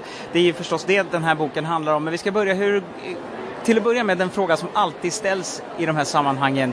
Kommer du ihåg precis vad du gjorde när du fick reda på att Palme hade blivit skjuten? Ja, alltså Ritva, min sambo, då, hon kom in och väckte mig bara och jag var, vart i en chock. Ja. Det, man trodde absolut, en sån sak kunde inte hända. Så, så upp och såg nyheterna bara. Så satt man där chockad i soffan. Och du har alltså bott ganska nära Olof Palme? Ja, alltså veckan innan mordet så bodde jag faktiskt i, på ett hotell som heter Hotell Lord Nelson och det ligger på Västerlånggatan i Gamla stan. Och vad jag inte visste då var att Olof Palme med familj bodde cirka 40 meter därifrån. Och den person som, eller organisation skulle vilja ha överblick över hans eh, ytterdörr och liknande hade ju det från det hotellet om man ville, om man tog just de rummen då. Och det är något som granskningskommissionen inte har, eh, har nämnt faktiskt och det har jag förvånat mig att de inte har gjort va? för det var ju perfekt observationsplats. Eh, Hur kommer det sig att du började intressera dig för Palmeutredningen och vad har du för ingång? Ja, ingången var då att jag bodde där på det hotellet och då mötte jag en man i en korridor där som, som jag reagerade väldigt starkt på för att han hade så extremt stirrande blick va? och han, han går inte förbi mig i korridoren utan han ställer sig bara och stirrar på mig så jag trodde han tagit fel på person. Han hade så extremt stirrande blick så jag tänkte att han såg nästan farlig ut. Va? Nästan, han såg farlig ut. Så jag tänkte nu smäller det här allra minst alltså. Vad är det som är fel? Men i alla fall när vi kommer bara någon meter ifrån varandra tänkte jag stanna upp och fråga vad det, vad är det frågan om liksom. Då passerar han mig och eh, ja, det är historien. Efter det, veckan efter, blir ju Palme mördad då. Och då hade jag lite tanke på den här personen och tänkte, för då fick jag reda på att Palme bodde bara 40 meter därifrån. Och då slog det mig att den där kanske hade någonting med saken att göra. Och jag tror också att det kom fram att man hade några personer hade lagt märke till en person med väldigt extremt stirrande blick på biografen Grand som de hade varit på kvällen. Och det var den kopplingen jag gjorde då. Uh, om vi ska fortsätta där då så är det så att uh, några år efter så ser jag en tidningsbild. Uh, och det var väldigt snabbt ögonblick. Jag satt i typ ett väntrum och väntade på en person och då står det bara någonting om Sydafrikaspåret och så är det gruppfoto. En person är eh, inringad på fotot. Och eh, under så står det att den här har någonting med Palmemordet att göra. Alltså bara han som var inringad. Och jag tittar på fotot och då ser jag på en av dem som stod på det här gruppfotot, det var fem, sex personer. Det är han jag mötte på, eller på, på hotellet. Och då reagerar jag och så står det namnet under. Och jag bara skrev upp namnet snabbt för jag har varit avbruten. Och så la jag det i bakfickan och så kom jag på den där, hittade den där lappen nästan några dagar efter. Just det, ja, den här måste jag gå och kolla upp. Och då åkte jag till biblioteket i Stockholms stadsbibliotek var det faktiskt. Och då hittade jag uppgifter på honom. Och då visade det sig att han var alltså militär och han var agent och hade utfört en hel del mord för apartheidregimen. Och där började det ju då, riktigt för mig. Tänkte att, alltså då började kopplingarna komma. När jag lämnade det till polisen och sen tänkte jag, jag hörde aldrig någonting. Så jag tänkte, de hittar väl ingenting om det här. Uh, och sen kom det ut så mycket om att Pettersson var, uh, var mördaren och så vidare. Så jag antog som alla andra. Ja, det var väl han som var mördaren Pettersson. Han var ju till och med så det var erkännande i tidningar och annat. Uh, så jag la det åt sidan. Sen 2011, 25 år efter mordet, uttalade sig GV i tv. Säger, nej, Pettersson var det inte. Det här är nog med polisiär eller militär bakgrund och hade flera argument för varför han inte trodde det var Pettersson. Och det är då jag reagerar igen. Och då börjar jag googla. Och det tror jag först jag googlar Sydafrika Palmemordet. Och där är historien då. Från början. Och sen blir jag ju sittande. Och det slutar sig med den här boken då. Känner du att eh, det som du har kommit fram till gör dig övertygad om att Sydafrika är inblandat? Ja, jag är helt hundra procent övertygad. Det, jag tror alla som läser den här boken kommer att bli det också. För det, alltså Palme hade en sån enorm betydande roll för ANC. Han gav dem ett statsmannaskap så att säga och han eh, talade för deras sak i FN. Han uppmanade alla länder att börja med handelsembargo mot Sydafrika. Eh, dessutom så tog han ett väldigt stort grepp med att vara drivande på själva ekonomin. Så Sverige står ju för 50 procent av finansieringen av ANC. Och han blir ju hatad av den vita apartheidregimen då. Eh, och vi kan säga från hösten 85 händer det lite grann i Sydafrika. Närmare bestämt efter den eh, 15 augusti. Där PV Båten som var dåvarande president där håller ett tal. Och där han i princip förklarar krig mot ANC. Och ANCs generalsekreterare Oliver Tambo svarar med samma mått. Då är det krig. Och därefter händer det extremt mycket där de gör allt för att försöka krossa ANC. Alltså de skjuter ledare, de spränger deras kontor, de mördar Palme. Det var ju i Europa, det var ju dels ett stort, eh, deras kontor i London blev sprängt och, hon, och deras representant i Paris var det va? Dulce Ja. September blev skjuten också, Ja, inte så långt 88. innan. Ja. Eh, 82 var de i London då och den orden utgick också från president PV Botha. Det är han som är den stora skurken i sammanhanget. Han lämnade till sina ministrar, en minister för lag och ordning som fick uppgiften, som sen vidarebefordrade den till generalerna, generalerna ner till några steg under som heter brigadier och sen kom den ner till själva verkställande gruppen och det var en farm som heter Vlakplas. Och där höll Chine Kock till. Han var alltså kommendant på hela den här farmen och eh, så var han chef för en grupp som heter C1. C10 i början, men C1 och det var de som utförde alla morden. Vi ska också säga det att eh, det är Eugene de Kock som har blivit utpekad på flera av de här bilderna som varande den person som lämnade Arlanda. Ja, det kanske jag har glömt att säga. men det är ju han jag mötte på hotellet då. Eh, och kände igen. Och nej, den här grejen med, med själva hotelldelen där. När jag kom till polisen och berättade att det var den här jag känt igen. Ja, de trodde ju inte på mig. De trodde att jag hade räknat ut att det kunde vara han. Men jag visste ju att, att det var, jag kände igen honom utan att veta vem det var. Så för min trovärdighets skull. Så, och då började jag söka bilder på Kinevåg. För när jag läste om hur de hade gjort i London 82, när de sprängde ANCs huvudkontor där. Så hade de varit där lång tid innan och rekat hela området. Och då tänkte jag, har de varit här i Sverige och ska skjuta våra statsminister så har de varit här säkert månader innan. Så jag började söka bilder, foto, tidningar, allt för att försöka se om man har tur så kanske man hittar någon bild på honom. Det kunde vara tal eh, när Palme höll tal och så vidare. Och av en slump då så hittade jag ju den här filmen, där den var utlagd på Youtube och den var filmad dagen efter mordet. Och, och den är filmad klockan sju på morgonen. Och då får jag se då den här mannen i blå rock står i kön för att lämna landet. Han står i en säker, kön till säkerhetskontrollen. Och det var en total chock för mig. För att visst trodde jag att det fanns en möjlighet, men det här var så klockrent. Så att eh, jag satt hela natten och tittade på den här filmen om och om igen, jämfört med alla bilder. Så att eh, det var sanslöst. Men det måste alltså innebära att oavsett om han är gärningsman eller inblandad så kan man säkerställa att han har varit i Sverige vid tiden för mordet. Ja, jag är ju helt säker. Jag, det finns en då, en eh, så kallad eh, ex-agent som har jobbat med Kinnekock som var helt klar och gick ut offentligt och talade om att det är ju Kinnekock. Men det är flera bakom där som jag har fått kontakt med, men som vill vara anonyma. Så för mig är det liksom inget snack. Det, här är Kinnekock. Och, och det är några utmärkande som är lite unikum för honom ska man säga. Eh, att allting för övrigt stämmer med Eugene Kock vad det gäller utseende och så. Men du har några saker som är extremt och det är nästan osannolikt att det skulle vara en person då som har alla de här kännetecknen att det då inte skulle vara han. De tre kännetecknen det är en att han har extremt breda, det kallas ju polisonger, sideburns, polisonger. Och eh, det andra är att han har eh, en väldigt kutig rygg, så kallad eh, bröstryggen som är krummad. Det kallas kyfos och det ser man också tydligt. Eh, och det tredje är att han har väldigt långa fingrar och det ser man på ett senare inslag där han får tillbaka passet, hur långa fingrar han har. Då. De här tre är ganska unika på en och samma person. Att övrigt allt stämmer, och att det inte skulle vara han, ja, det vore en otrolig osannolik slump. Lägg där till att flera pekat ut honom och är helt säkra. Um,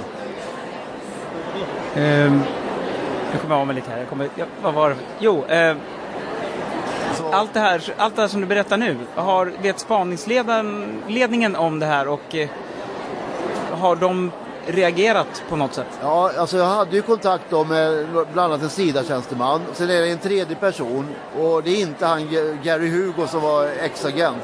Den tredje personen som är ganska tung. Men den personen vill vara anonym. Och vi blev kallade då till Palmeutredningen. För jag hade skickat lite bilder och pratat med dem. Så vi fick komma dit alla tre. Och då var, hade vi möte i, i fyra timmar. Och då visade jag alla bilder, allting som stämde. Eh, och de blev ju väldigt tagna av det alltså. De gick ju igång. Och jag kan säga, jag tror till och med de satt i 20 minuter och diskuterade hur de juridiskt skulle fälla Chile Kock. Det var ju lite att gå händelserna i förväg. Men eh, de blev ju ganska övertygade. Och sen har de ju jobbat på det hela tiden att försöka få en hundraprocentigt fastställande. Rent eh, typ att, vad ska man säga, eh, att du kan förstora upp hans öron och titta. SKL då, det heter inte så, det har något annat knepigt namn idag.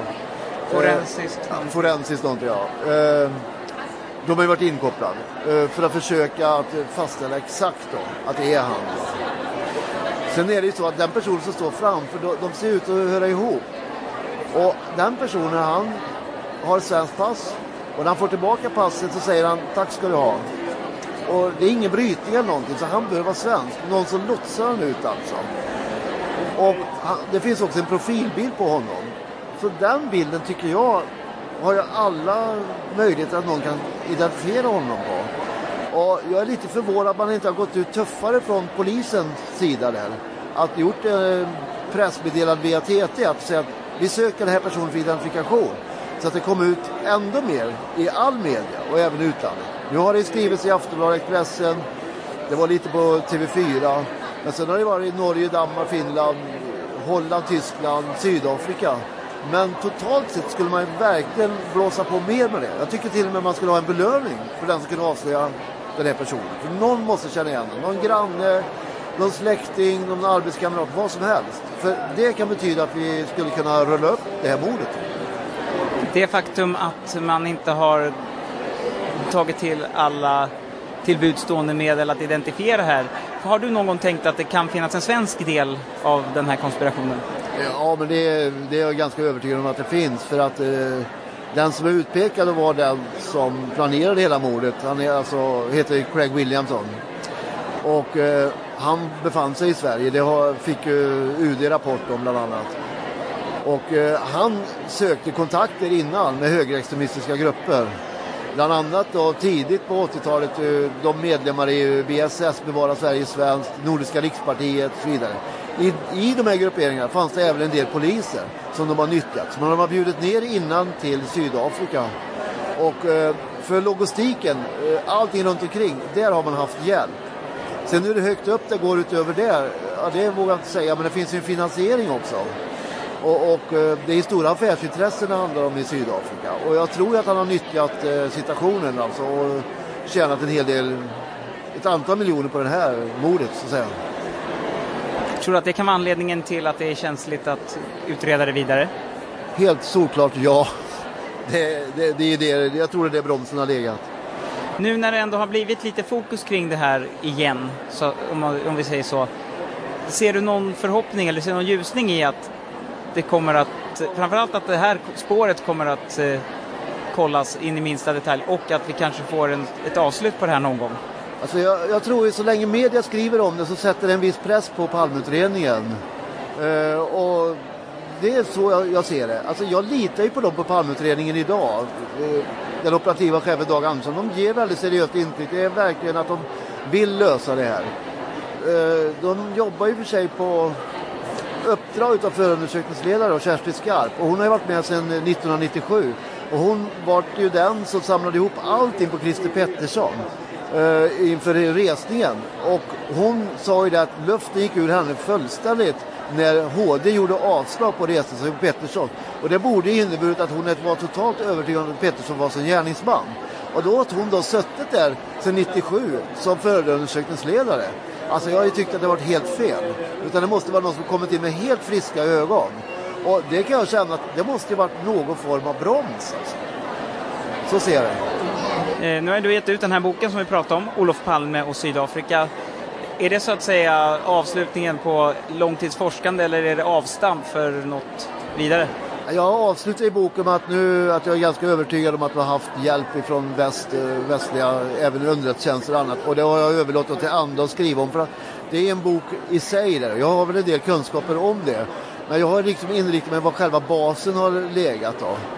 Uh, eh, och jag vet inte, Gunnar Wall kom ju med någon bok här nu som heter Konspiration Olof Palme och han nämner ju lite Stay Behind och Arla Gryning vet jag inte om man gör, men det är en undergrupp till Stay Behind. Och sen har väl, ja det är flera författare som har tagit fram väldigt mycket om det. Och, ja, det får bli deras sak då. Jag, jag stannar nog där tills vidare, men jag kommer bevaka det. Jag tänker öppna en eh, hemsida och följa det noga. Alla uppgifter som kommer fram så att säga. Och det är även läsarna kan eh, vara med och diskutera. Kanske till och med försöka hjälpa till att få den här person, svenska personen identifierad? Ja, alltså det är ju en jättegåta. Det borde engagera mer svenskar. Då. Det, är, ju- det är ju det. Man måste, men folk förstår ju inte vem en Kock är. Om de läser min bok så fattar de det. Då förstår de ju värdet av det hela. Men det är väldigt dålig kunskaper om överhuvudtaget om vad apartheid egentligen handlade om och hur Sydafrika agerade under den här tiden. Så och, eh, det är lite synd faktiskt. Eh, Men jag hoppas de som läser boken ju det här i alla fall. Jag gör det ganska tydligt och så enkelt jag kan. Even on a budget, quality is non-negotiable. That's why Quince is the place to score high-end essentials at 50 to 80% less than similar brands. Get your hands on buttery soft cashmere sweaters from just 60 bucks, Italian leather jackets, and so much more. And the best part about Quince, they exclusively partner with factories committed to safe, ethical, and responsible manufacturing. Elevate your style without the elevated price tag with Quince. Go to quince.com slash upgrade for free shipping and 365-day returns. Hi, I'm Daniel, founder of Pretty Litter. Cats and cat owners deserve better than any old fashioned litter. That's why I teamed up with scientists and veterinarians to create Pretty Litter. Its innovative crystal formula has superior odor control and weighs up to 80% less than clay litter. Pretty Litter even monitors health by changing colors to help detect early signs of potential illness. It's the world's smartest kitty litter. Go to prettylitter.com and use code ACAST for 20% off your first order and a free cat toy. Terms and conditions apply. See site for details. Planning for your next trip? Elevate your travel style with Quince. Quince has all the jet setting essentials you'll want for your next getaway, like European linen, premium luggage options, buttery soft Italian leather bags, and so much more. And is all priced at 50 to 80% less than similar brands. Plus, Quince only works with factories that use safe and ethical manufacturing practices. Pack your bags with high-quality essentials you'll be wearing for vacations to come with Quince. Go to quince.com slash pack for free shipping and 365-day returns. Jag tycker har gett ganska bra teasning nu. De som är intresserade. Olof Palme och Sydafrika av Sten Flygare. Tack så hemskt mycket och hoppas att några här på mässan också intresserar sig. Tack ska du ha. Får jag säga bara en sak? Missa inte, om nu du sänder detta före första oktober, se filmen Palmes agent, den som handlar om eh, Birgitta Karlström Dorf som jag har haft mycket kontakt med under året. Eh, Den är superintressant, det kan jag lova. Missa inte det alltså. Ha en trevlig fortsatt mässa nu. Ja, tack ska du ha.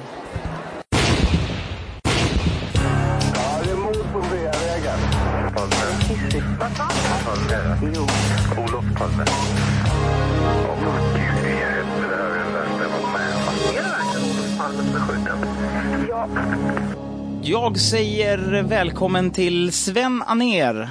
Tackar.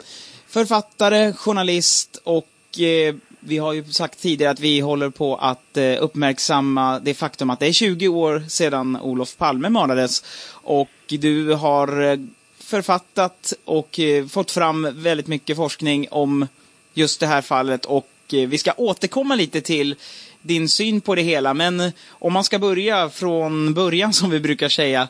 Eh, precis som alla andra så antar jag att du har en klar bild av vad du gjorde när du fick beskedet. Ja, då får jag faktiskt börja tänka här. Ehm, nej, tänk det är lustigt. 20 år har gått och jag kan inte precisera det på, nu när du frågar. Det är underligt. Mm. Ehm, eh, Eh, jag vill passa på att säga då i sammanhanget att det här Palmemordet sedan 20 år har gått, det är ju så stort och komplicerat så att ingen människa kan tillnärmelsevis ha detta i huvudet. Utan man har brottstycken, man, hjärnan så att säga väljer ut de viktiga sakerna. Tänk det är konstigt, jag, jag får tänka efter under samtalets gång. Ja, visst, så kan vi göra. Eh, hur, i vilken, när, när började du så att säga intressera dig för, eller märka, eh, de oegentligheter som fanns i spaningsarbetet? Ja, det skedde väl ungefär samtidigt, men det dröjde faktiskt, det dröjde faktiskt ett halvår innan jag på allvar började se på, på Palmeaffären. Eh, första halvåret kommer jag ihåg, då hade jag inget intryck av att utredningen eh, sköttes felaktigt på något sätt. Men så träffade jag en kollega som var inne eh, och tittade på det här. Och han sa till mig vid en, en lunch vi åt en gång ute på Djurgården att du måste hoppa in och titta på Palmeaffären för det är fel alltihopa. Och eh, ja, på den vägen var jag och eh, jag släppte Palmeaffären för ungefär ett år sedan. Det var helt enkelt så att mitt arbetsrum sa stopp. Jag fick inte plats med allt material och då fick jag börja sovra i det materialet. Mm. Eh, som du sa tidigare, man delar upp eh, hela den här affären och hela utredningen i mindre segment för att på något sätt få någon slags över, något, eh, någon bild, någon översyn över hur allting är. Ja. Du har ju skrivit många olika böcker eh, uppdelat, där du just tar upp olika episoder. Du har eh, affären Borlänge som tar upp eh, Hans Holmers eventuella eh, vistelse, eller turerna kring hans vistelse i Borlänge. Du tar upp affären Chamonix, där man tar upp huruvida Carl Lidboms eh, förehavanden nere i Schweiz. Ja. Eh, hur har du fått tag i underlaget till alla dessa böcker? Ja, det är inte särskilt svårt. Det är normal journalistik. Det kanske låter stöddigt om jag säger det, men, men eh, journalistik är ju bara att ha ett mål framför ögonen och sen sätta sig ner och eh, vid sitt eh, arbetsbord och eh, ta fram uppgifterna. Det är ju faktiskt så i Sverige att det allra mesta finns ju tillgängligt utom vissa konkreta uppgifter som är hemligstämplade. Men eh, även de hemligstämplade kan man ju få fram genom att överklaga hos kammarrätter och regeringsrätter och så vidare. Så att det är inte särskilt svårt, det gäller, det gäller bara att göra det. Mm. Men sen har jag ju fått väldigt dåligt gensvar hos, inte hos allmänheten så mycket som hos eh, medierna. De svenska medierna har ju skött det här väldigt eh, partiskt och oprofessionellt har jag ju ansett hela tiden. Mm. Eh, Jag tror att gemene man Mm. har ju, som du säger, via media fått intrycket av att folk tycker att anledningen till att det har gått som det har gått är snarare oprofessionella poliser och misstag och fummel och tycker att alla andra tänkbara tankar eller teorier enbart är konspiratoriska. Har du också stött på de åsikterna när det gäller, när du har arbetat? Att det Ja. bara är sjabbel alltså, och rena tillfälligheter? Ja, just det. Och jag har ju istället sett, hela tiden sett en ond plan, en ond önskan att fria den gärningsman som makten, om jag använder det uttrycket, som makten hela tiden har känt till och känner till idag. Men låt mig genast understryka att jag vet inte vem denne gärningsman är. Mm. Eh, om man lite kort, det är förstås väldigt svårt, men eh, om du får se, du har ju långtidsforskning nu bakom dig och undersökande. Eh, så att eh, Svensson så att säga förstår. Eh, vad, är, vad är din bild av hur det här har gått till och vilka som kan ha tänk, tänkas ligga bakom det här? Ja, jag går ogärna in på eh, tanken vilka som kan tänkas ligga bakom det här. Låt mig angripa din fråga på ett annat sätt. Det är när man undersöker och går igenom hur polisen har handlagt det här ärendet på en konkret punkt så hittar man väldigt märkliga ting. Och det är jag nästan den enda som har eh, talat om, som har tyngt på. Det var nämligen så att först, jag ska ta det här kort, först i maj 1986, alltså tre månader efter mordet, då togs eh, Christer Pettersson in till förhör. Ja, han togs inte ens in utan han hördes i sin bostad.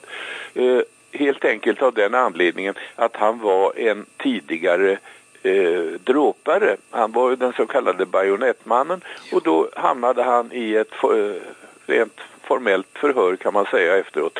Och det varade i fem minuter och eh, det sades nej, han är fri. Det eh, var inget fel på Christer Pettersson, han har inte mördat Olof Palme. Sen går det praktiskt taget eh, eh, över två år innan man börjar så att säga lyfta på syndabocken Christer Pettersson igen. Och det sker på ett så konstigt sätt att man fångar in en stackars nedgången person som heter Roger och eh, frågar Roger vad han har gjort denna eh, mordkväll. Och efter fem, sex konstiga förhör med Roger som är svårt nedgången, om har minnesförluster och så vidare, så får förhörande kriminalinspektör eh, beskedet, påstår han, av Roger att Roger hade befunnit sig på biografen Grand strax före mordet och då, strax före mordet, hade han sett Christer Pettersson vid Grand. Och sen är då teorin, fast ingen har sett det, att Christer Pettersson sprang ner till mordplatsen. Nå, då frågar man sig, har polisen något stöd för det här? Nej, det har de inte alls utan de har ett antistöd så att säga. De har nämligen från den första dagen fem, vad, vad man kan se, till oförvitliga vittnen som säger att eh, ja, denne Roger kom till biografen Grand men han kom inte förrän efter 23.30 och då var ju mordet överståndet och Palme förd till, död till sjukhuset. Alltså polisen använder från början spruckna uppgifter, uppgifter som visar motsatsen för att visa att Christer Pettersson måste vara mördaren. Det här är närmast otroligt att det, någonting kan gå till på det viset. Polisen hade ju bara behövt sätta sig ner och gå igenom de här vittnesuppgifterna och säga sig, ja men Roger bryr vi oss inte om för han kommer ju inte dit förrän efter mordet.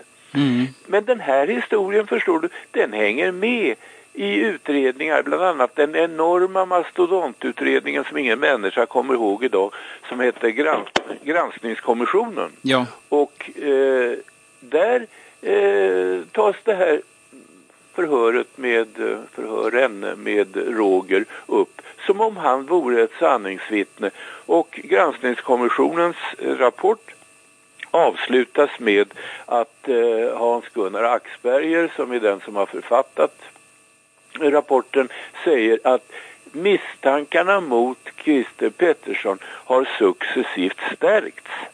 Mm. När sakförhållandet är det motsatta, nämligen att det finns inga rimliga misstankar kvar mot Christer Pettersson. Varför är det då så viktigt med Christer Pettersson som nu är död under inte helt utredda omständigheter? Jo, därför att han har ju hela tiden varit den som utredarna och åklagarna har haft i bakfickan och plockat fram när det har passat. Eh, behandlingen av Christer Pettersson var nog det som gjorde att jag egentligen aldrig släppte Palmeaffären. Därför att det finns inget fulare än att sparka på den som redan ligger i rännstenen. Mm. Kan man sammanfatta det alltså att du din, dina slutsatser är att Christer Pettersson kan, är absolut inte inblandad men du är inte säker själv eh, på vad, vem det då istället eller vilka det kan vara? Jag är inte ens säker, jag vet inte vem, som, vem Mm. det kan vara. Eh, Men det är väldigt viktigt att konstatera att Christer Pettersson... Det är så, får jag bara säga det, det är så här att Christer Pettersson, han fanns naturligtvis i det där snurret, Oxen, Tegnérgatan och så vidare. Han brukar väl gå där? Just utan- det, just det, för att det var hans värld. Och om du tog en annan grupp av personer, till exempel skådespelare eller någonting, ja de hittar du också på ungefär samma ställen en- en fredagkväll. Så du menar att det, det är helt naturligt? Det hade nästan varit mer, mer onaturligt om han inte hade varit där? Ja visst, han höll till på Oxen där han brukade gå och drälla på fredagskvällarna på jakt efter lite, lite knark eller en halvpanna. Du menar snarare kanske att det kan ha varit, att det kan ha varit väldigt praktiskt att de visste att honom kan vi alltid skylla på för han, han har alltid, håller alltid till där. Det var ju lätt för dem att konstatera var han var den där kvällen. Mm. Eh, Det har du rätt i. Tror du att, nu har det ju nu precis i dagarna kommit fram det här nu att man ska börja leta, eller försöka hitta DNA-spår och så. Tror du någonsin att, att eh, den spaningsledning som sitter nu kommer att kunna släppa tanken på Christer Pettersson och gå vidare förutsättningslöst? Nej, det tror jag inte. Det har de ju hela tiden sagt att eh, Christer Pettersson finns kvar i bilden. Och eh, han är väl nästan lättare att manipulera idag när han är död. Tror du att, med bakgrund då att, att du inte tror att det är Christer Pettersson, eh, tror du att eh, polisen kan vara inblandad? Jag tror på att polisen har kunskaper som de inte har lagt fram. Om jag Eh. uttrycker det så. Mm. Nu har det gått alltså 20 år. Eh, tror du att det finns någon möjlighet att sanningen någonsin kommer att nås? Jag har ju gått som flera andra och undrat om eh, det kommer dödsbäddsmeddelanden från folk och så vidare. Poliser eller åklagare som pensioneras och tycker att det är lika bra att försöka eh, dra ett strå till stacken, till sanningens stack. Men ehm, eh, eh, nej, det, det ligger högt uppe det här mordet som ju alla vet. Det ligger inte på Sveavägen enbart utan det ligger ju i eh, en världskonflikt, någonstans i en världskonflikt. Och eh, jag menar det är ju många länder som har funnits eh, med i diskussionen. Sovjetunionen, USA, Sydafrika och så vidare. Mm. Och eh, den här historien är, den är lite för stor för lilla Sverige. Jag drar gärna en parallell med Estonia-katastrofen som jag ser på nu. Den är också för stor för lilla Sverige utan den har, den har åstadkommits i en kamp mellan öst och väst eller någonting sånt där.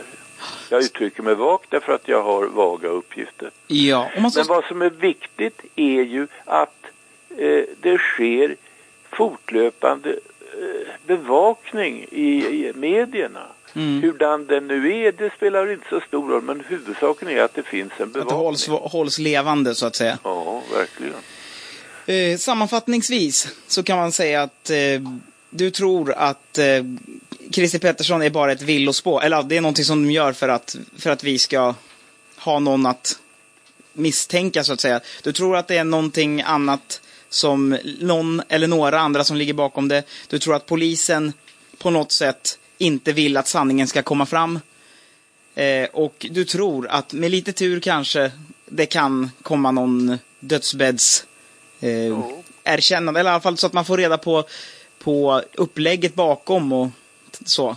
Jo, det är en bra sammanfattning av en svår affär. Ja. Eh, hur ser det ut för din del? Som du sa, du håller på med Estonia-katastrofen nu, men har du fortfarande, håller du fortfarande det här öppet? Så att du håller på att samla ja, information? öppet kan jag väl säga, men, eh, men jag arbetar inte aktivt med Palmeaffären.